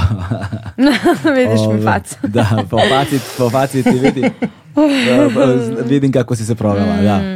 Ovaj, to nažalost nije redka priča. Da, um, a, u kom trenutku, koliko posle porođaja odlaziš dole? Mesec dana. Čekali smo tu prvu kontrolu i to je to. Mm -hmm. Onda smo otišli dole i tad je već krenulo lepo vreme i kraj aprila, ovaj, to već kraj aprila i ne, lagano. I kako, Osim nespavanja, ka, sve je bilo ne, super. Kako, kako s detetom, u, u, mislim, zanima me stvarno, znaš, mi otprilike imamo dete isti godina, yes. ono, mesec dana razlike čini da. se da, mm -hmm. da Pa me baš zanima, kao poredim sa svojim iskustvom u glavi. Ono. Pa nema tu, ja ne znam, sad kao, ne, nemaš čim da ti poredim jer nisam bila u gradu toliko dugo da sad kao mogu, mm. to je to, tih mesec dana je bio i Aleksandar tu, samo ta kontrola, ništa drugo. Ono, sedimo kući, dojim bebu, šetam i, e, to je super. Što šetam bebu po šumi, a ne po putu i prašini. Ali tad je baš, baš bilo nešto zagađen Beograd, ovaj, Jeste. taj kraj zime je bilo... I, ovaj... i, pa da, to je 2019, ali tako? Da, ne, da. 2019, da, da, 2019, da, tako 2019, da, da, da, da, da, Tad su krenuli, krajem 2019. su krenuli oni protesti zbog yes. zagađenog yes. vazduha yes. pre COVID-a. Yes. Dva, tri meseca pre COVID-a ja smo nosili maske zbog onih PM čestica. Tako je, e. Da. Tako da sam bila zapravo srećna što sam dola. To je to, nema tu nema tu neke... Bilo je baš lagano, da, u stvari. Nije... Ništa nisam osjećala nikakav sa tu e, stres uh, u smislu da budemo blizu neke bolnice, nečega, mm. dete, hvala Bogu, zdravo, živo, sve u redu. Jedini problem koji sam ja lično imala ovaj, sa ishranom, jer kao nisam imala pomoć u tom smislu ko će da mi pomogne nešto, da mi spremi, da sama sam kuvala, što je ovaj... Ja inače radim, bilo... ja svo to vreme, tad sam već počeo da radim yes. opet Znači imam neko fiksno radno vreme, preko kompa radim neke konsultacije Aha. Tako i da, onda smo išli na smenu malo. Ovaj. Jeste, tako da to je zapravo problem kad si sam. I, mm. I između ostalog i zato ti zajednica, kako ona indijanska beše za odgajanje deteta, za podizanje dece ti je potrebno čitavo selo. E, ja mm. sam to selo, već da. tri godine. tako da to Da, nema ono tetke, nema bake nema, koja može da nema. da uskoči na pola sata. Tako da sat. to je heavy. Ako to me pitaš malo, da. to mi je heavy, ostalo ništa. Sve što se tiče mama, beba, savršenstvo. Mm. Sve je savršeno funkcionisalo. Ali ovo, to da mi neko pomogne u ovim nekim stvarima praktičnim, da mi spremi klopu, da, da, da očisti nešto tako basic, tu, tu mi je trebalo pomoć. I da. to, to je ono gde ti vidiš čač, da, mislim, videla sam je i pre što se tiče razgovora i tako nekih sitnih stvari, ali ovde baš sad kreće ta priča ono, kako ti je zajednica zapravo bitna. Da, da, da, da. Tako da ipak smo društvena bića na kraju dana. E sad, to, e sad to je još, jedan, još jedna no, no, nova tema. Ona sad imate dete mm -hmm. koje polako tra, ima apetite ka ono kulturne, so, da, socijalne, mm -hmm. znači potrebno je tom detetu neko društvo, mm -hmm. neki vršnjaci, kreiranje nekog odnosa među njima, mm -hmm. a, a, kreiranje neke vrste identiteta, znači da dete bude prihvaćeno, da ono Tako prihvata je. druge, da se uči nekoj toj vrsti te društvene dinamike, prosto, a vi mm -hmm. tamo izolovani, toga malo nema. toga nema. uopšte mislim, nema. Nama, nama ljudi koji dolaze su uglavnom ono, mislim, naši prijatelji i neki njih imaju decu, dovedu, ali to je tolika redkost da ne može mm. tu da se razvije neki dugoročni da, da, odnos. Da, da. Tako da nama je u planu u suštini, mi se znaš, kao napustili smo sistem, ali dalje koristimo kada nam je potreban, ovaj, uh, na primjer, planiramo možda na, na, na zimu na ovu, na jesen da, da upišemo vrtić koji je na 10 km. Mm -hmm. I da ide tipa 3-4 dana nedeljno ovaj, koliko god Da, da, definitivno, potrebno, zato što ti to na kraju vidiš, znaš, ne, ne, nije dovoljno više da, mislim, ne, ne, nije smo je. dovoljno, nego ne možemo smaramo je, motorcima, bre. ono, znaš. I mislim, mislim, mi imamo dosta vremena da provedemo sa njom ovo, ono, da se igramo i to sve, ali nije to isti, Ne, nije to ne. isti odnos nikako. A i mislim iz milion drugih razloga, baš ono što si nabrao, i socijalizacija i to Da. da ona nauči da, da, da kako funkcioniše s drugom decom, da deli, da ne deli, da se Mm. posvađa, da šta god ovaj, treba da uradi u tom periodu. Tako da sad je idealno zapravo i meni i njoj. Sad ja treba malo da se vraćam da se setim ko sam, šta sam, pored toga što sam mama, jer kao, ok, mama ću budem ceo život, ali moram budem još nešto. Tako da je sad idealan period za to. I eto, tako da ću od septembra krenuti u vrtić, posle škola, isto, Boljevac, Zaječar, to ćemo tek da vidimo. Da, da. To. Mislim, znaš kako, izolovani Nije- smo, ali postoje tu neke opcije kako možemo opet da dođemo do grada. Znači, idu tu neki autobusi sporadično, Mm, da. a, znam neki ljudi koji rade, idu na posao, prolaze tu, da mogu ja nekada odvezem kolima. Dosta razmišljamo da uvedemo ove električne bicikle. Da, da, da, da. Ove, jer, jer taj naš put je jako opušten za vožnju ovaj, Idealan. električnim bajsom. Znači, Mm. ono, redko kad se naleti na drugi auto, ono, široke ulice, sve cool. Tako da, I pritom, znači, mogli bi taj električni bajs da punimo našom energijom, znači na solarne panele, Tako tako, da nas ništa ne bi koštalo korišćenje njega. Da, da. I, I to, to gledamo da, ovaj, da uvedemo u narednih par To je godina. zapravo sada jedna ono baš simbioza kao savremenog, tehnološki, Tako je. Jest. znaš, koristeći konvencije kao ono d- tehnološkog napretka s jedne strane, s druge strane kao povratak prirodi, znaš, i onda Da. je to baš ono, Jest. Pretvara se one, nije sad kako mi pada na pamet, nije Mad Max, to je cyber, to ne, ne, znaš, ne te cyberpunk varijante, nego Biopunk. nego da, ima taj nek, pa ne znam, da, biopunk, Bio- da, ali kao, znaš, da imaš, da, da imaš zapravo tu kombinaciju ovaj, modernih tehnologija. Tako je, i meni kao, se to sviđa zapravo. Evo ti naša kuća je od slame i sva je tako kriva, znaš, a imamo ovaj dimnjak koji je, o, kako se zove? O, izolovan prohromski Prohrom. dimnjak koji je onako Znači svetli. srebrni, ogledalo. I onda sam bila u zonu kad je on kao, pa kao da kupimo ovo, rekao, ju, kao ono, ovo se ne slaže s kuću, razumeš. I onda kao razmišljam, kao, baš je fora, čovječ. Da, da. Baš mi je nekako fora, a pritom što je praktično, mislim da ne pričamo o tome. Solarni Tako paneli da, ispred, ne, da. nemamo mi ta- taj problem da to kao Ali ima, ima, ima taj koncept u permakulturi, ovaj, to se zove a, a, moć ivice. A, moć dodira dva, dva različita ekosistema. Mm. Znači, na primjer, ako imaš šumu, imaš livadu i tu da se one preklapaju, da se dodiraju, to je najbogatiji ekosistem jer tu imaš a, vrste koje žive samo u šumi, samo na livadi i vrste koje žive samo na tim ivicama. Mhm. I tu dobiješ onda trostruki benefit. I isto ovako mi živimo, u div, znači dodiru divljine i civilizacije i nekako ono uzimamo o- o- od oba i radimo neke stvari koje su moguće samo na, na dodiru ta dva. Ma mislim, ono, uđeš u njegov studio, znaš, kao ne možeš da veruješ da se u stvari nalaziš u šumi. Da, Što da. gomila dugmića, gitara, ludilo, razumeš?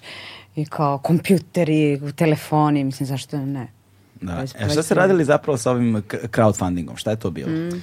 Pa a, a, a, to je bilo, znači ova knjiga se privodila kraju treba da izađe, a ovaj, mi smo prikupljali dosta, dosta čudnih priča i dosta, dosta zanimljivih stvari nam se dešavalo od kako živimo tamo. I sad neke od te priče su bile tu između nas, naših, naših prijatelja, ovaj, ljudi koji tu prolaze. I nekako, ja sam već kada to zapisujem malo, jer, jer, jer, jer baš su postale zanimljive i, i pojavila se nova crowd- crowdfunding kampanja, taj Dobri Dabar. I i samo nešto kliknulo kao, ajde da vidimo, ajde kao da idemo proguramo, da li će ljude zanimati možda ovaj, da ispričamo šta nam se sve ovde događa.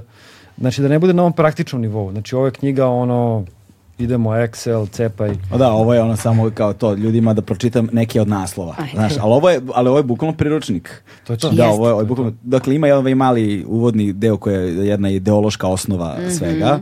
Ovaj, I onda ide ono, potrošnja vode, a, kao privremeno sklonište, rad sa prirodnim materijalima, filtriranje kišnice, korišćenje kišnice, biofiltracija sive vode. Šta, ja ne znam ni šta je siva voda. E, to je voda koja je prošla kroz tuš kabinu ili lavabo. Aha, aha, aha, aha, okej, okej, okej. Znači ne ova septička voda. Da, nego, ali kao neka otpadna voda. od Pa na- u od- suštini naj, naj, naj, najlošija stvar koja se nalazi u sivoj vodi to su deterđenti. Da, da, da, da, koji da, su, da. aj kao da kažemo, što prirodni mogući, ali opet. A bez ono, Da, da, da. Šta je ovo? a, komprimovani vazduh.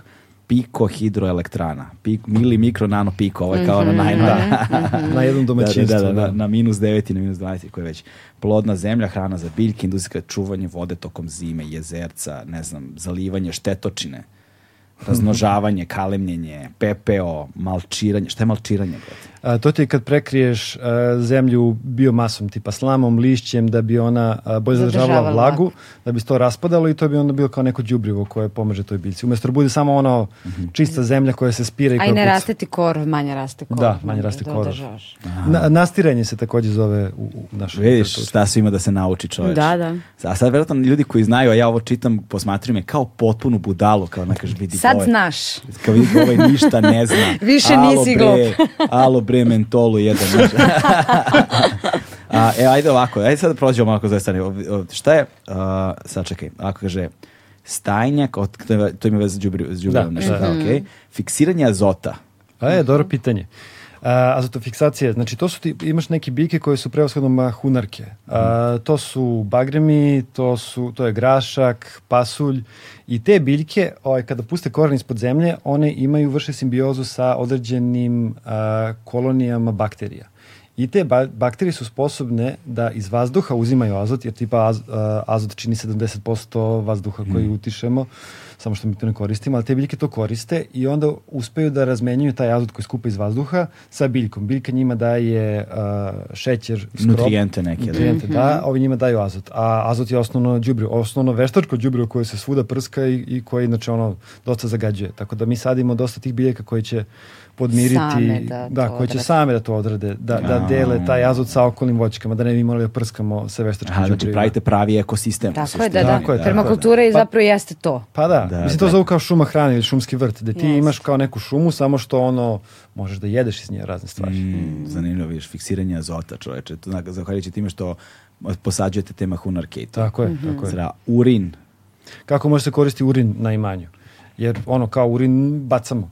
O, ovaj, I u stvari zagađujemo time što, što ga ima previše nekim mestima, ali urin takođe zadrži dosta azota, takođe zadrži dosta i fosfora i nešto kalijuma i to je sve potrebno biljkama, ali opet ne može tek tako, znači mora se razvodnji, razvod, sa vodom pomeša tipa 10 prema 1, a, ima previše soli u urinu takođe, tako da i to te- kada se koristi treba da se koristi ovaj, a, a, planski, nije samo fazon, e, idi kao zapiši ono drvo 200 puta, mislim, usužiti Da, se, da, da. ono, otrovaćeš ga. da, Par je i krenulo da se uradio to. da, da, da. Uradio si to, a? Osušio si drvo. Krenula vrba da nam se šu... Nije vrba. Vrba, vrba, da, da, da. Vrba, njoj treba zota, ja ću tu da... Ali vidiš, da, to sam primetio da sad, na primer, se dešava sa drvećem uh, po, po gradu, gde psi zapišavaju, Mhm, zato što nema, kad, gde su mali parkovi, nema puno betonske zgradetine, ono, Mm. naselja, Da, nema da. nigde ničega. I onda ono ima pet pet drva u, u kraju i svi psi iz svih stanova Pa da. zapišavaju tih Pa pet da. i ono Spali ih. Znaš, i zato sad prave one kao rešetke Mhm. oko da ne bi psi mogli da priđu da zapišaju, znaš. Eto.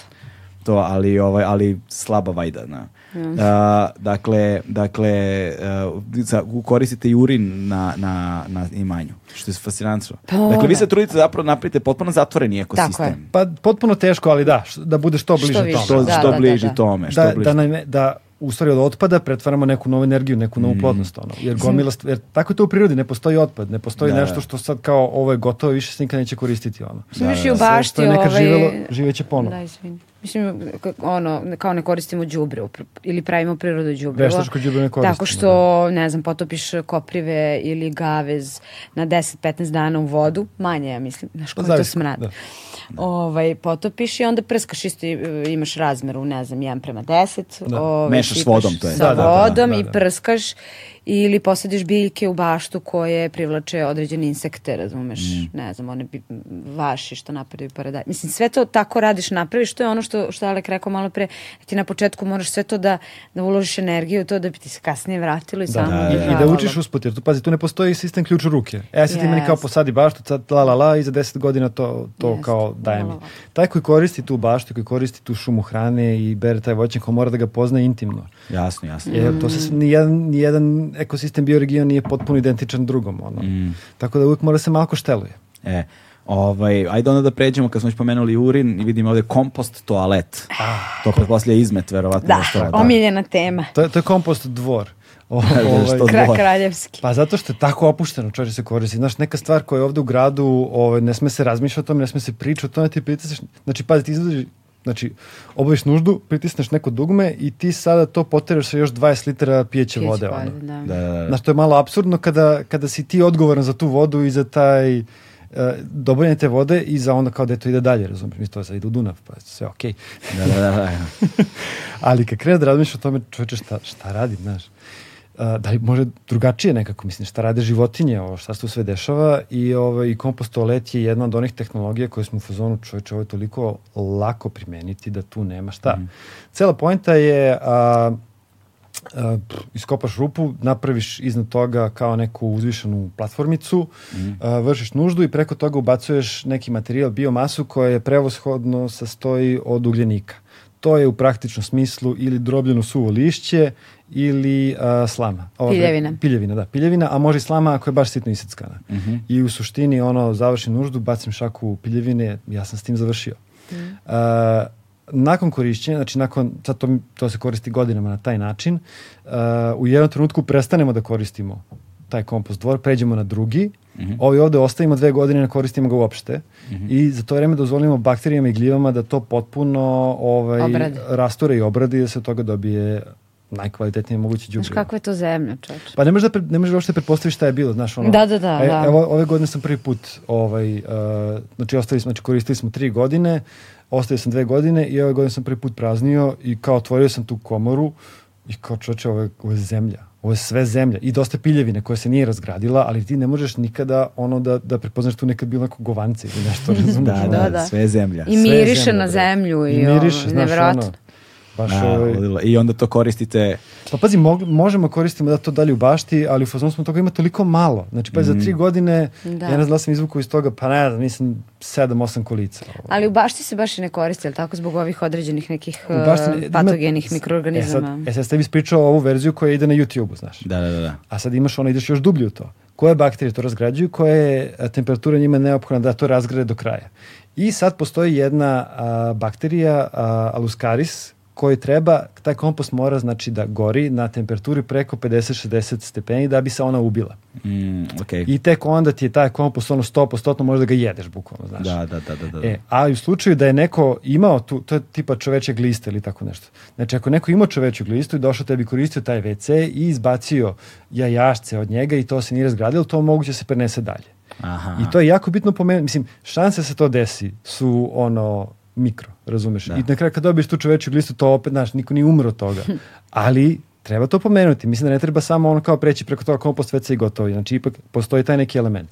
I zbog toga mi jednostavno koristimo... A kako je pališ na 50 stepeni? Kako je zagrevaš uopšte? Pa mislim... A, tako što staviš... Na sunce ono. Ne? Može na sunce, ali još bolje kada bi dodao... A, neku biomasu, neku vrlo aktivnu biomasu u sve to.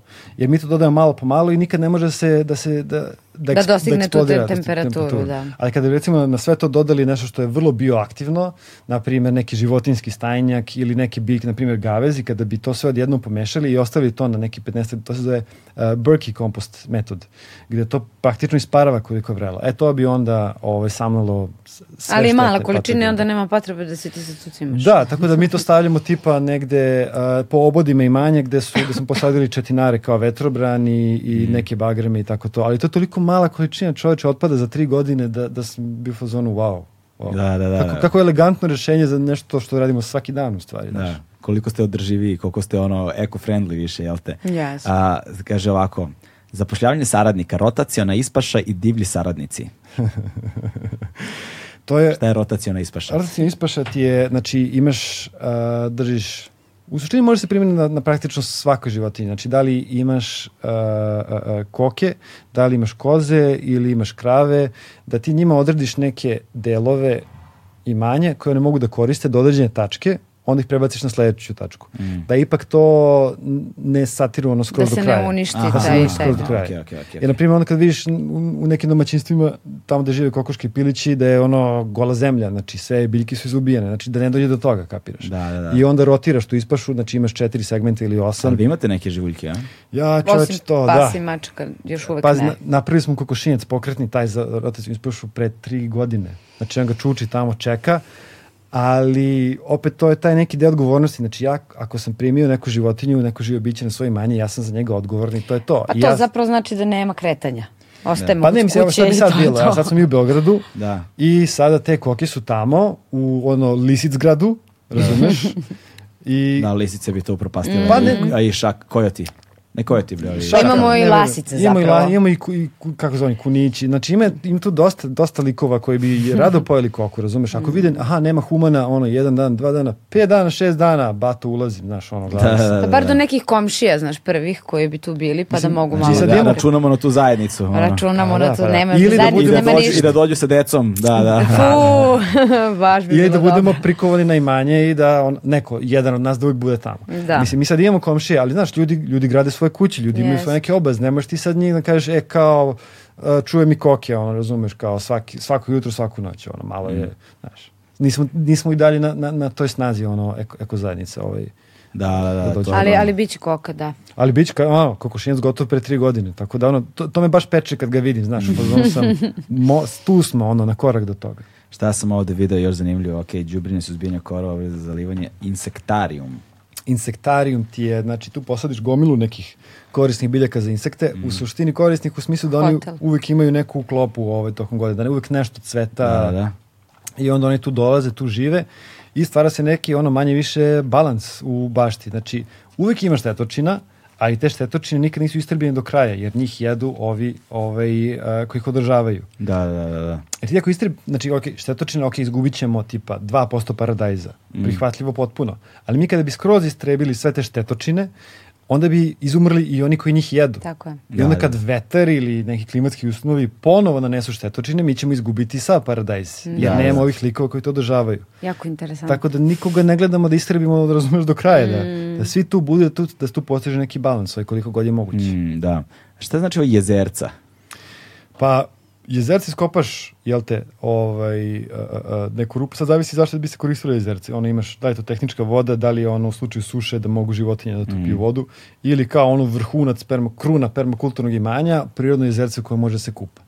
Da, da, da. Ovaj, to kad budemo imali, to, to će biti to. Tu sam video zapravo na, na, a, da je lik na, na, na Majdanu tamo negdje u Gornjem Milanovcu napravio zapravo neku branu, sa nek, da imaju neki potoci različiti, da ih je nekako usmerio, napravio branu, kreirao jezero, ovaj, i koje je to skroz prirodno, ne znam sad kako, to, kako se sad to pravi podloga dole. Pa, Pa ima raznih Ima varijanti. Ima Da. tih varijanti, Da, da, viđao da. sam i negde u Pančevu ili ne znam gde, ne u Pančevu, negde blizu Pančeva sam vidio takođe da su ljudi pravili prirodne bazene.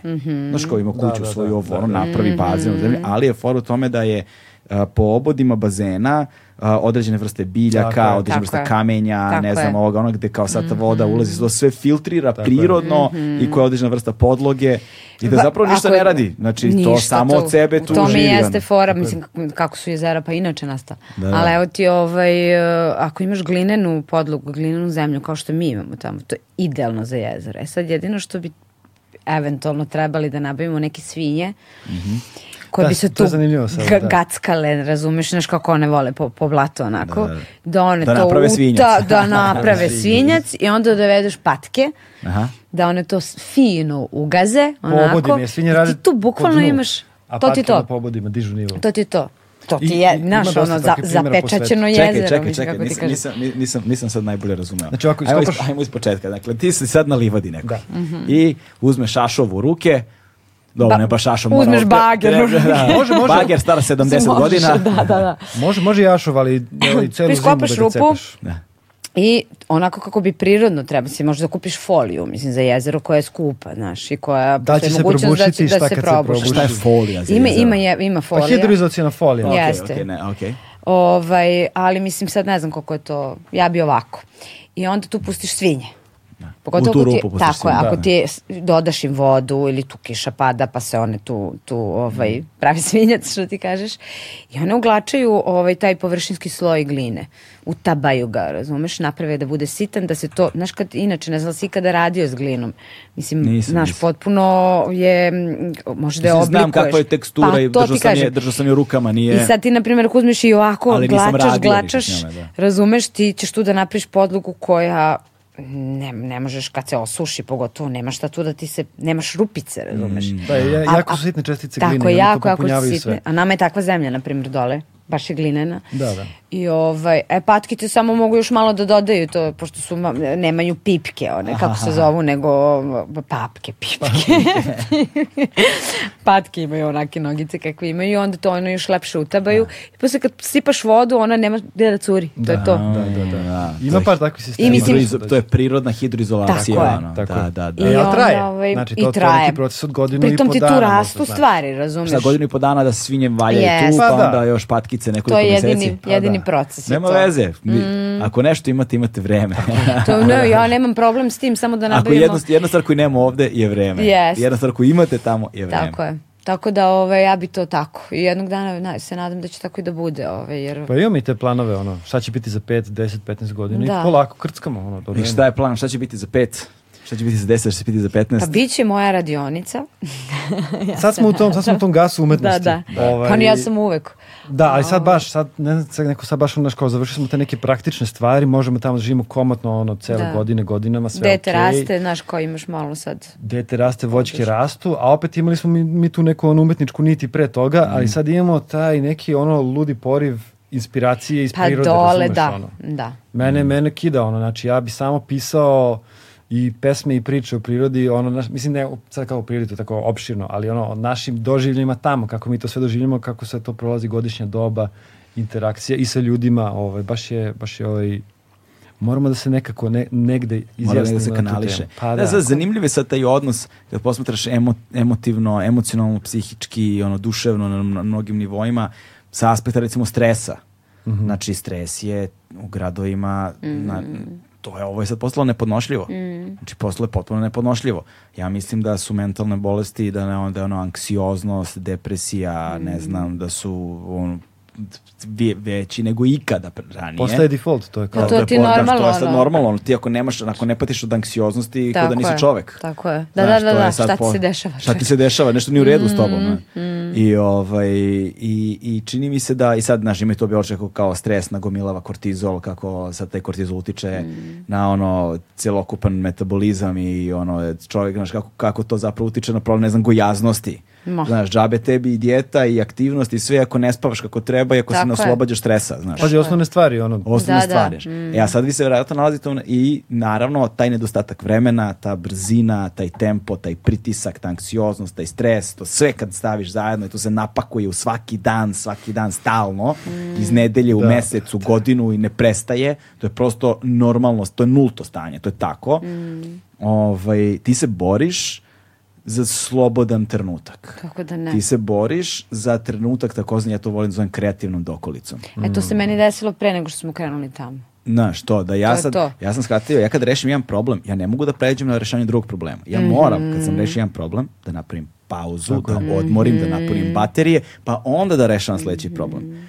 Ili, na primjer, ako hoću kreativno nešto da radim, ja moram da se rešim problema, pa onda da napravim neku x pauzu, koja može bude 3 sata, 3 dana ili 3 godine, nemam pojma, i da ja i tačno osetim trenutak kada sad bih da stvaram. Aha. da, da, tako je. Znaš, tako osetim ono nalet neke energije kao Sad mora. Dovoljno sam opušten. dovoljno da sam sad mogu, to mi se da, dešava, to mi se obično dešava ono posljednji dan odmora. da. Dobro, bar taj jedan dan. A ništa, jednostavno, ali taj dan se pakuješ i Joj. ide anksioznost i stres jer je odmah gotov. A znaš. se kreativno pa. Da, da, da, da.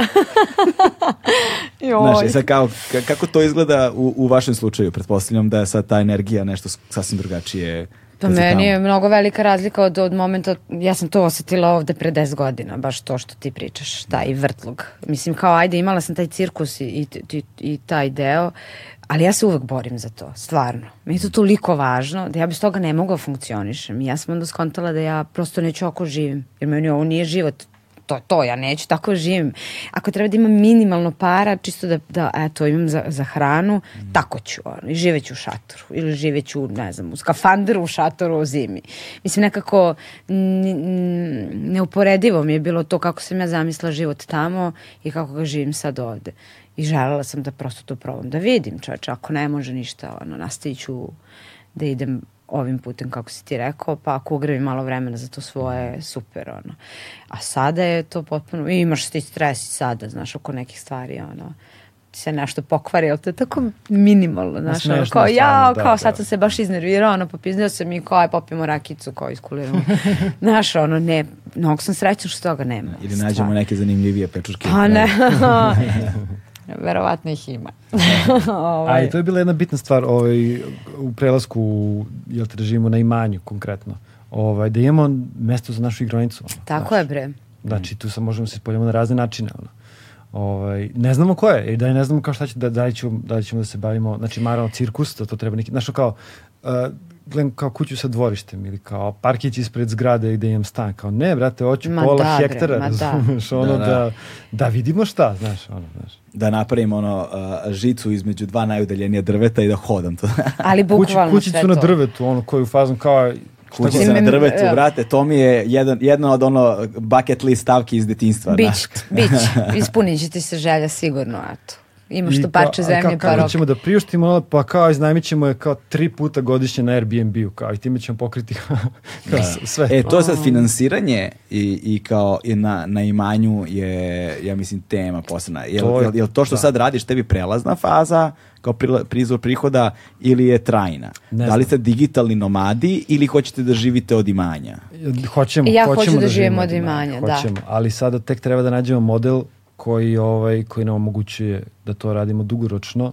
Da. A, Kako se prave pare na imanju? Da. A Ili da, kaj, a da niste komercijalni proizvođači, ono... da. Znaš Ne, kao- Pa, pazi, mor- moraš da radiš više stvari, bar ja sam to Da, tako to skontala. uvek, Ono, više da. sitnih tipa da pravim džemove. Mislim, lupom, to svako radi, ali od hrane... Pa ne znaš, radi baš svako. Ne, hoću da ti kažem, popularno je sad organski ovo, organski ono. Mislim, ne želim da sad sebe opteretim toliko da baš to proizvodnja neka, nego imaš ograničen broj nečega i kao um, i, i, i to mi je želja, znaš, kao imam kajsiju, hoću pravim džem, ono, što ga ne bi prodala, što da ne, ono.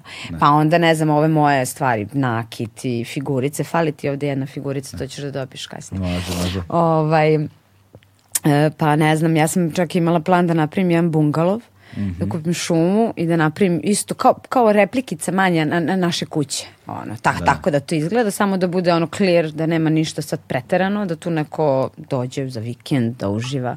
Vole to ljudi. Sada je popularno ovaj kako zovu glamping. A ne mogu to tako baš. ja sam stvarno onako malo veštice stavila. Da, da. Kome se taj fazon sviđa i naravno kompost. Ako, to, to, to sam provala, moraš da naglasiš, znaš. Kompost WC. Nema da... Po, nekome se to ne sviđa. Ali ne, ne, znaš. to mora bude highlight. Znači, tako ono da- kao, da, da, da, da. Vidi, može ovako se živi, znači. Jeste. Tako da to mi je negde za, za... Inače, ja sam i dula. Tako da ću verovatno i time da se bavim u, u jednom, mislim da se bavim, to mi je želja, zato što ima, imam potrebu da pomažem ženama u toku trudnoće za vreme i posle. ovaj, pogotovo što sam prošla kroz jedan mali krug pakla Da. i ne želim da se to više desi ni meni, niti bilo kome ako je moguće. Ovaj, tako da imam, imam više stvari, bar eto s moje strane. Da, kakav krug pakla? Pa taj bolnički, taj sistemski. Naš, Način na koji su te tretirali. Na, tako je, tako je, tako je. I Babice način na koji to generalno sve funkcioniše. Znaš, ja razumem s jedne strane te ljude koji porađaju 50 žena dnevno. Da, da. Na, nema ono, ti tu. častiš za epidural. Da, da, da, mislim, ali znaš nekako prvo i, i, i to što žena moraju da znaju svoje prava. To je stvar, to je prva stvar. Znaš, moraš da znaš ono, da se informišeš dovoljno. Pazi, ja sam negde i bila informisana, ali ti čovječe kad se porađaš, nema tu da razmišljaš ti ništa. Čovječe, tebe boli, ti hoćeš da se to završi ili, ili ako se vi zamislio neki poređaj, onda se baš razočaraš, jer neće tako bude. Pa te niko ništa ni ne pida, ni da li hoćeš epiziotomiju, ni da li hoćeš da ti ubrzaju porođaj, indukciju i tako dalje, ništa. Sve ide kao po traci, znaš. A neću da govorim o vređanjima i, i ostalim stvarima koje apsolutno su nedopustiva. Da, da, da, Znaš. da, da, da, da. Ovaj, tako da, ja sam imala i polomljena rebra. Ujebote. Da, da, da.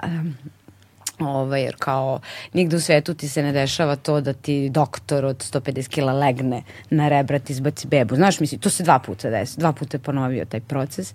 Sad mene čitav porođaj nije toliko boleo koliko to. Znaš, Da, to. da, da, da. I on ti, I kako te- oporavak posle, znaš, Oporavak, znaš, to dva, tri meseca, Brat, ne možeš da, da. dišeš. I onda sam bila u fazonu, no, neće se desiti više nikad meni. I ako je moguće, o, ja sam imala i strah, znaš, kao hoću još dece i sve to, mislim, znaš, koji strah, koja je trauma. I onda Da, upišem... dođe ti bukvalno da nemaš više dece. Ne, da, da, da, da, da. Kao to je to, ja više ovo ne želim. I ove, onda malo se informišeš, završila sam taj kurs za, za dule i straha. Mm. Želela sam samo da, da, da kao se informišem, da imam šta ja tu još mogu da uradim i onda sam potpuno dobila vetar u leđu u smislu može kako hoćeš u stvari. Da. Ni kako hoćeš, ali postoje milion načina na koji možeš se porodiš. Ono. Možeš kod kuće, ako naravno sve u redu. Imaš i neke određene bolnice ovaj, koje dozvoljavaju kretanje i malo mm. više slobode i tako dalje. I na kraju krajeva odeš sa spiskom, neću to, to, to, to i to i bit ćete, I da to neko zapravo bi, uvaži. Bit ćete tuženi, ono, da, i da to zapravo neko uvaži da. da. te, i da te, da te tretiraju dostojanstveno. Ništa to nije lagano, ništa, da, da. ali ovaj, naj, na kraju ti naj, najbezbedniji porođaj kod kuće. Ne. Pa Eto. sa ovakvim tretmanom, apsolutno, da. ono. Tako znaš, da, ovaj, i, i iza kuće. I iza kuće, ma gde god, samo da, da, da, znaš, da, ono, ideš u bolnicu baš ako moraš, e, da, to je to. Da, dotle smo stigli. Tako je, da umesto da ta bolnica bude mesto gde, znaš, kao, m, ćeš da dobiješ najnormalniji tretman, ono, da ti tu samo budeš ukoliko mm. nešto pođe po zlu. Tako to treba da izgleda, znaš.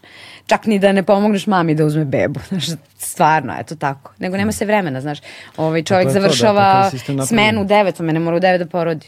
Ne može da ostane 9 do 9 i 15, razumeš? Mislim, mm. to, to su te stvari koje mene baš onako Strašno. Mm, da, baš me... I koje vam samo još, još dublje ono, učvršćuju u, u veri u život ovamo. Ne? Da, da, da. Pa, da, da, u smislu da ajde prvo ako možemo sami bolje nešto, znaš. Tako je. Mm. Ajde da vidimo, da taj porođaj kod kuće, ono naš, da, da, da damo šansu i to neke alternativi, da ne bude ono kao, ja, opet su nas izneverili ovi koji, mm. koji bi trebali da sve to drže pod konac, ono. Jer, znaš, posle par tih nekih ono situacija u fazonu si, čemu sve ovo? Ma znaš? da, da, da, da.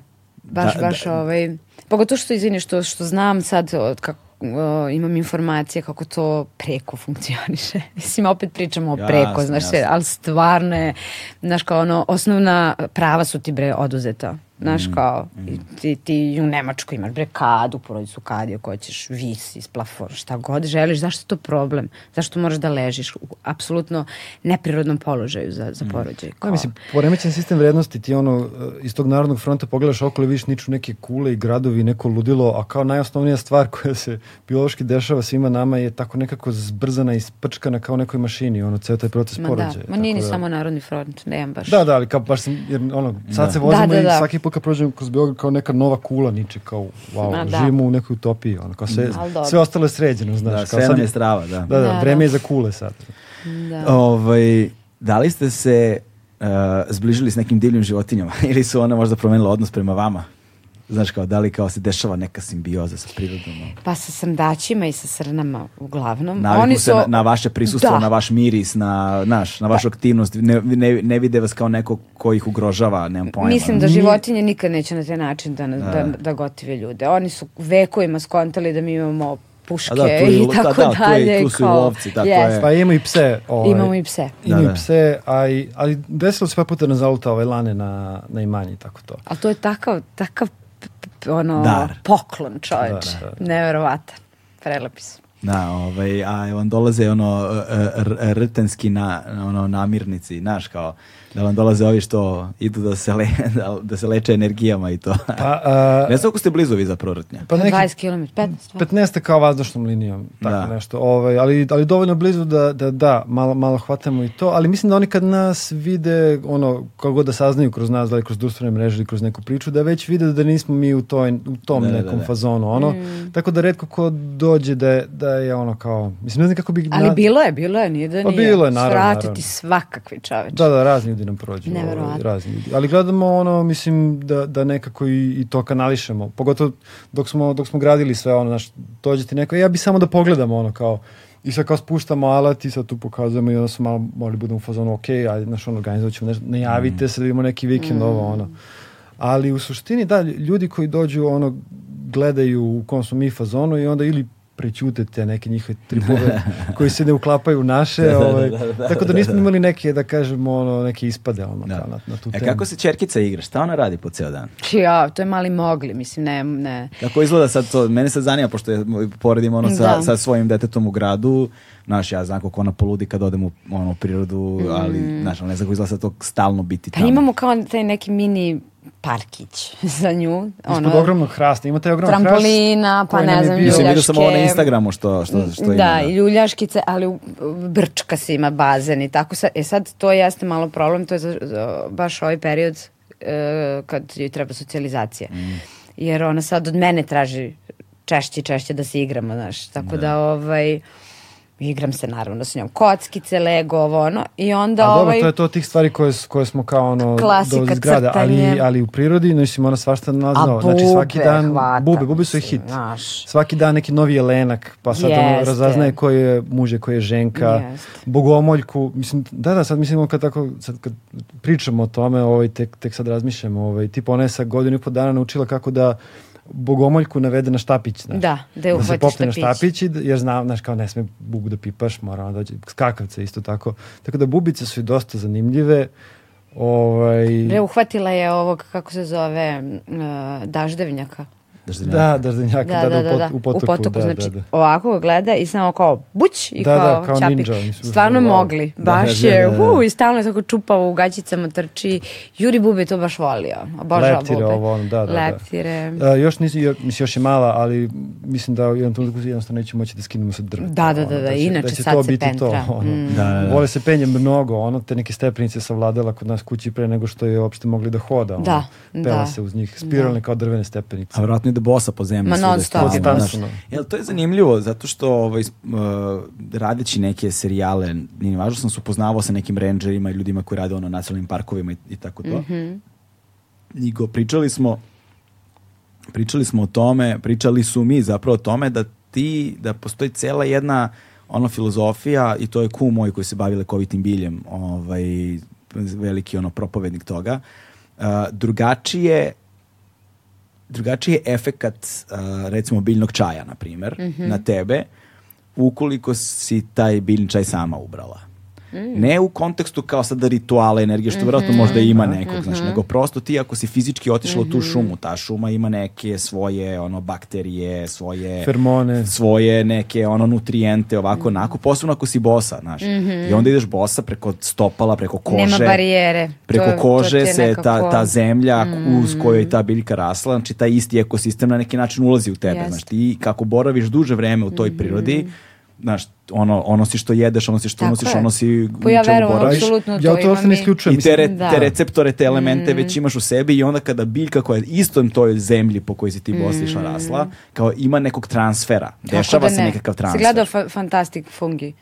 A fangaj, da, da, da. Fangaj, da, fangaj, da, da, da, Znači, ono je naš, a i nekako i zašto mi ne bismo tako... Aj, pazi, to je samo ono što mi znamo. Znači, postoji, postoji dosta ograničenja u nauci, ono šta nauka zapravo može da istraži. Da, da. A postoji gomila stvari koje su ono iznad nauke koje mm. jednostavno ono nikad neće moći da dotakne da bi rekli je kao e sad znamo sigurno ono znaš. Da, yeah. da. Postoji gomila stvari za koje ono već intuitivno i posjećaju ljudi već Jest. ono vidi doživljava i mislim da to ne treba odbaciti tek tako lako. Pa da i kažem to on, i onda i onda mi objašnjava kumu i momčilo pozdrav za kuma ovaj kad znaš ako recimo bos ideš po toj zemlji kroz kroz kroz kožu se mm. ono kroz pore se zemlja utiče razumeš taj mm. biodiverzitet zemlje utiče na tebe onda kada rukama bereš kroz pore kroz mm. dla, znoj kroz dlanove to Kako da ulazi da u tebe i onda kada tretiraš tu biljku i kada piješ taj čaj on ima kaže ima snažniji efekat nego nekome koje kupi u prodavnici iz pa kod kuće. Da. Prosto postoji da, razlika. Da, da. Meni je to logično. Još i, još i placebo efekat da, postoji da, da. toga. Da, jeste, da. Jeste, e, ali sad zamišljam kod deteta koje odrasta u prirodi mm. i koje od jutra do mraka ide boso po zemlji svaki dan. Aj što je boso nego što jede sve i svašta. Ja da sam da, kakav nekako... je njen imunitet? Kako je ona? Na... E pa vidiš, čim dođemo u Beograd, svaki put se razboli. Svaki čim dođu u Beograd? Čim dođe, to Četvrti to. dan. Tako ono, da, bukvalno možeš da, da šteluješ ono sad. Da, da, da, da. Evo nosim dan. lekove, ono to, mislim lekove kao Ali opet nije, tamo. nije nešto kao heavy, znaš, neka temperaturica, slinav nosić, kašlje, kao to je to. Da, da, da. Neku novu bakteriju ona je pokupila u, u novom okruženju, mm. to je to. Da, da, da. Ali tamo, tamo, ne, nikad se tamo, tamo nikad nije A tipa ono, mislim, kupala se gola u potoku sad, sad u aprilu. I to nisam... ledenom potoku. Da, da, mislim, znaš, ono kao fazon skida se kao ja ulazim i kao to je to. Znaš, kao sad gledaš granica kao roditelj, kao je granica, da mako pomeriš šta može, šta ne može ali ona potpuno zdrava, potpuno ono, ok sa svim tim. Da. I da, u početku, uh, prve, kad imala, koliko ima godina, godina i po dana, o, jela luk po imanju.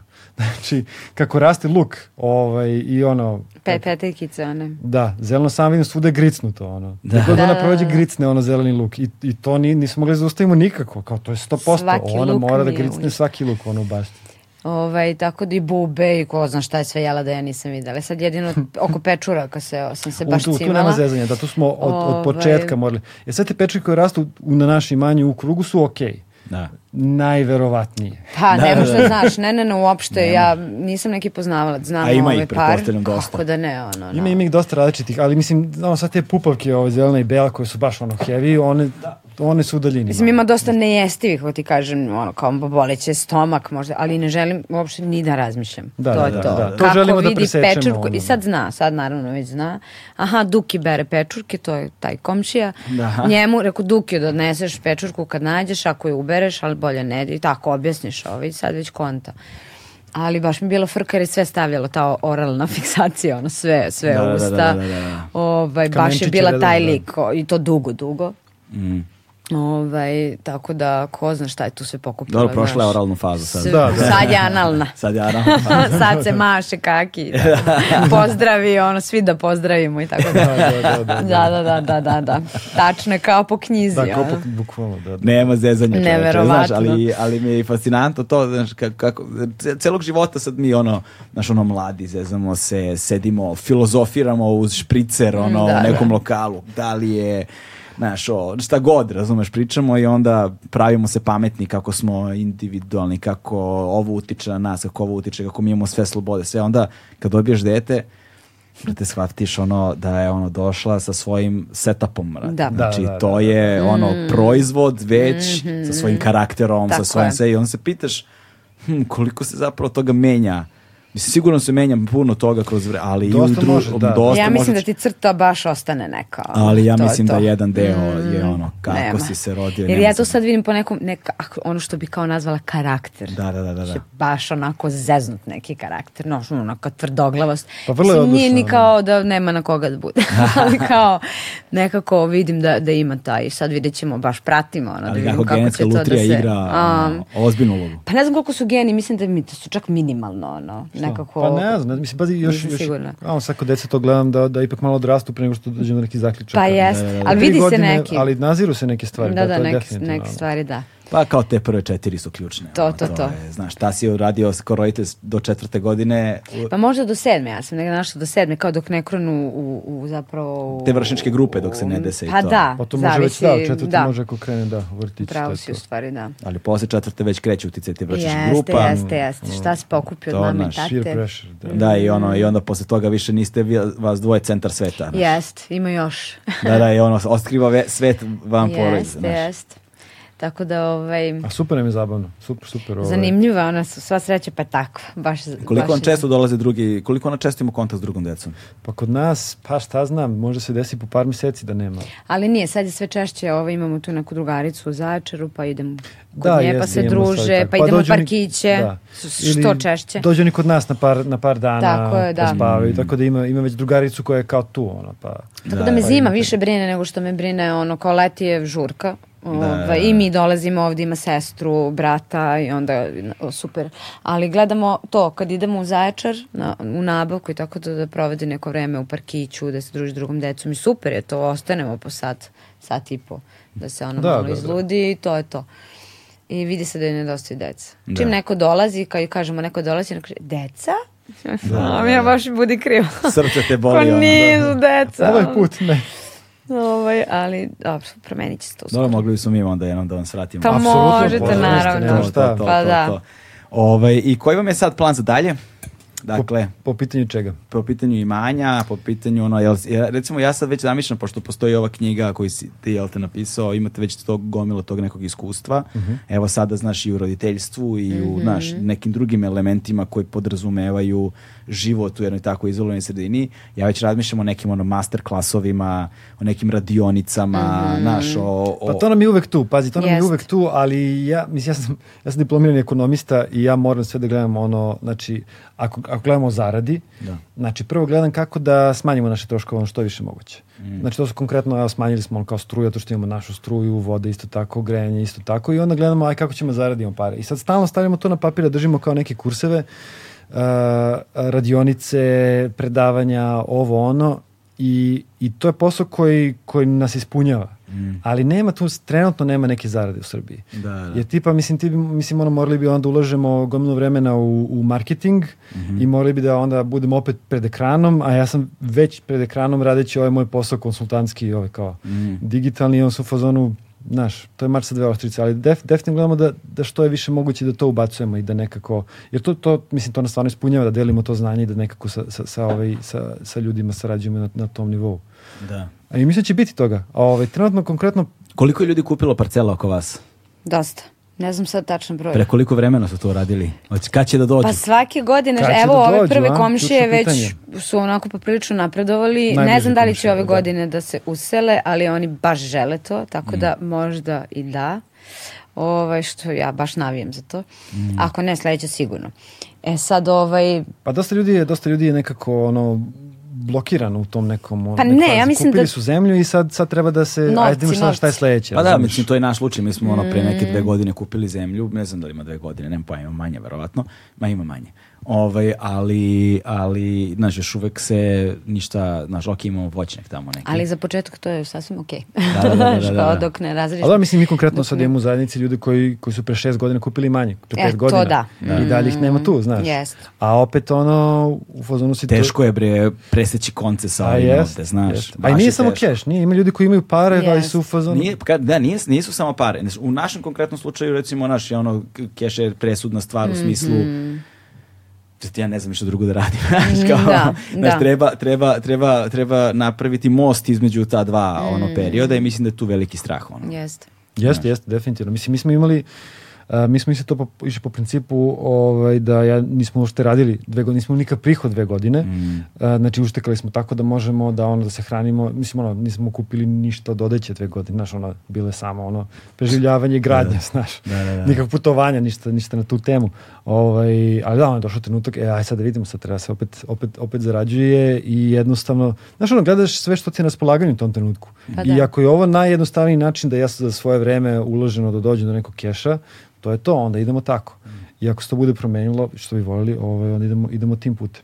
Da, ja baš zamišljam sad tu zajednicu, to bi bilo strava, da se ti ljudi dosele na ta imanja koje su kupili, da kreirate neku komunu, Znaš, da imate neki komunalni centar koji će vam to Jest. biti ono od kreativnog centra, Ma kulturnog je- centra, ovo ono, i da ta naš neka ono, ja sam već zamišljam tu neka alternativnija kultura, ono, Pa ima, ima tako, i da, kao- da, da. I kroz, i kroz teatar, i kroz muziku, i Jest. kroz svašta nešto, i da se tu već oformi ono, Za sad nam je ekipa fenomenalna. Da. Fenomenalna. Uglavnom su i naši drugari, što mi je... Da, dosta naših prijatelja sad tu kupuje da. ovaj, imanja. Pa vi ste pokrenuli talas. Jesmo. Pa, jeste. tako. Mi smo stvarno da. prvi, to je to. Da, da, da. To, znaš, jer, jer znaš da sam ja znaš, prim- primećujem tako, pošto se interesam za te stvari. Tačno imaš ono, gledaš neku, ne, neke zemlje i nikome ništa to nije zanimljivo. Ma šta ćeš tamo, ma ovo, ma ono, dok prvi ne kupi. Jeste, i jeste. onda E, kad prvi kupi, odjednom svi drugi posmatraju A nije odjednom. Čekali smo bukvalno pet godina, ja mislim, šest, da, da krenu ljudi da... da Pa se interesuje. I, Da. i COVID je dao malo ono ljudima vetar Mislim, malo je ovaj. jeste, da, da, da. svakako, Ali, ali treba, bilo je potrebno vremena da Pa se da, tu... vi ste pre covida zapravo, Da, pre da, nego da. što je bilo, ono, pre nego što Da, ljudi da. zapravo... Predvideli smo mi to pa smo tako, inače Mi smo ne. tačno znali, aha, COVID 2020, ajmo mi sad, Da, dok je da, da, da. jeftin materijal, da mi ovo... Ovaj, Da, da, da imate ono head start. da. Da, da, da. Ali nismo, da. pa sada je cena zemlje poskopela. Pa i materijali svega. U, materijali, znači, da. ništa nije lakše nego što je bilo. Mislim, mi smo uvek imali u glavi kao e, ovaj sistem ne ide baš pravim putem. Ono, vidio sam tu razne začkoljice koje bi mogle da Mm. iskoče, tipa, ono, cena fosilnih goriva ne može da bude niža, njih neće nikad biti više, ono. Da. Tako da uvek, uvek smo to nekako očekivali da će ići ovim putem, ali sad ove, ova dva skoka sa covidom i sa poskupljenjem energenata malo ipak bili izvan i naših očekivanja. Ono. Da, da, da. Ja, dobro, ali vi ste se sad za, za sad obezbedili, vidjet ćemo šta, sad, šta da. budućnost nosi sa sobom. Tako. Da, tako je. Mislim, to sad, kad kad pričamo o toj zajednici, to je nekako ono kao nešto o čemu ne smemo da govorimo javno, jer Da, da. To, to, da, da ne Da ne, ureknemo. da ne ureknemo, Da, da, da. da. Ali isto je tako bilo i za kuću, ono, kao Mhm. gradimo, pa kako se ikad uselimo, kao bit će okej, znaš, kao u najgorem slučaju napravit ćemo neko sranje, koje će morati da se sruši, ali dalje imamo našu zemlju, imamo kao naš materijal, imamo Pa neverovatno životno iskustvo, ono, znaš, kao, Mhm. tako da nema tu baš nešto šta toliko da se izgubi, ono. Ja moram da ocena. Evo, evo, evo, završavamo taman, pošto i vi morate krenete. Jel da? Pa da, zato smo, inače, ljudi ne znaju, došli smo ovde ranije, Dobro. zato što ti od 11 moraš da radiš, evo sad je Tako je. za 20 minuta ti počinje posao, tako Skoro da... leti vreme, čoveče. Ali imamo vreme. jednu temu o kojoj smo htjeli da pričamo. Ajde po me, šta? Pa ne moramo. Ne moramo. Dobro, dobro, nema E, veze. sad, brate. pa ne uklapa se, baš se ne uklapa. Sad sam gledala da ćemo dođemo do toga. Nema veze. Dobro, ajde, kad, ajde kad, kad završimo sada, pa, ovaj, Mm, da. pa, pa mi recite o čemu Važi, se radi. važi. Može, može. Važi. Hvala vam puno, e. Nema Ovaj, hvala vam puno na divnoj inspirativnoj priči i mislim da je zaista ono vredna i važna posebno za ovo društvo danas u kojem živimo i negde svi, vi ste uradili ono o čemu svi negde maštamo, znaš, napravili ste vrlo konkretan korak, iskorak ovaj, i doneli ste odluke veoma ovaj, velike sa puno odricanja da biste živjeli svoj san i to nije mala stvar, znaš. To zaista nije mala stvar. Da, sad kad, čast na tome. kad rezimiramo, da, ono stvarno, stvarno ispalo neko kako smo planirali, baš nam je drago i baš bi nam bilo još, još draže da, da, da više ljudi ono, koji imaju to već u sebi, nije ovo baš život za svakoga, Da, da, da. ali da. onaj ko to već osjeća, koji ima taj poriv u sebi, Samo napred. samo napred, Bukvalno. to je to. Da. Mislim da nemaju šta da izgube. Pa nemaju. A toliko može da se i nauči, znači, Pogotovo sad kad, mislim, dobro, ok, nema veze da li su kod nas ili ne, ali pogotovo ljudi koji su kod nas imaju maksimalnu našu po- podršku, a i pomoć. I znanje, Mislim, znaš, inspiraciju i to je Kad to. već imaš ono A i ako nekoga... imate sumnje, Evo evo ga knjiga. priručnik Tako je. Koji, će, im- koji će vam ih odagnati. Život i Tako prirodi, priručnik za razvoj novog domaćinstva Aleksandra Jankovića, porodica Janković, tako sam ja čuo za vas, porodica Janković. E, hvala vam puno još jednom, ste vi smo do kraja, Hvala ti ideš da pozivu. radiš, ti moraš u toaleta i da mi kažete šta je to, šta je to što je bilo, to je to. Hvala vam. Važi. Ćao. Ćao.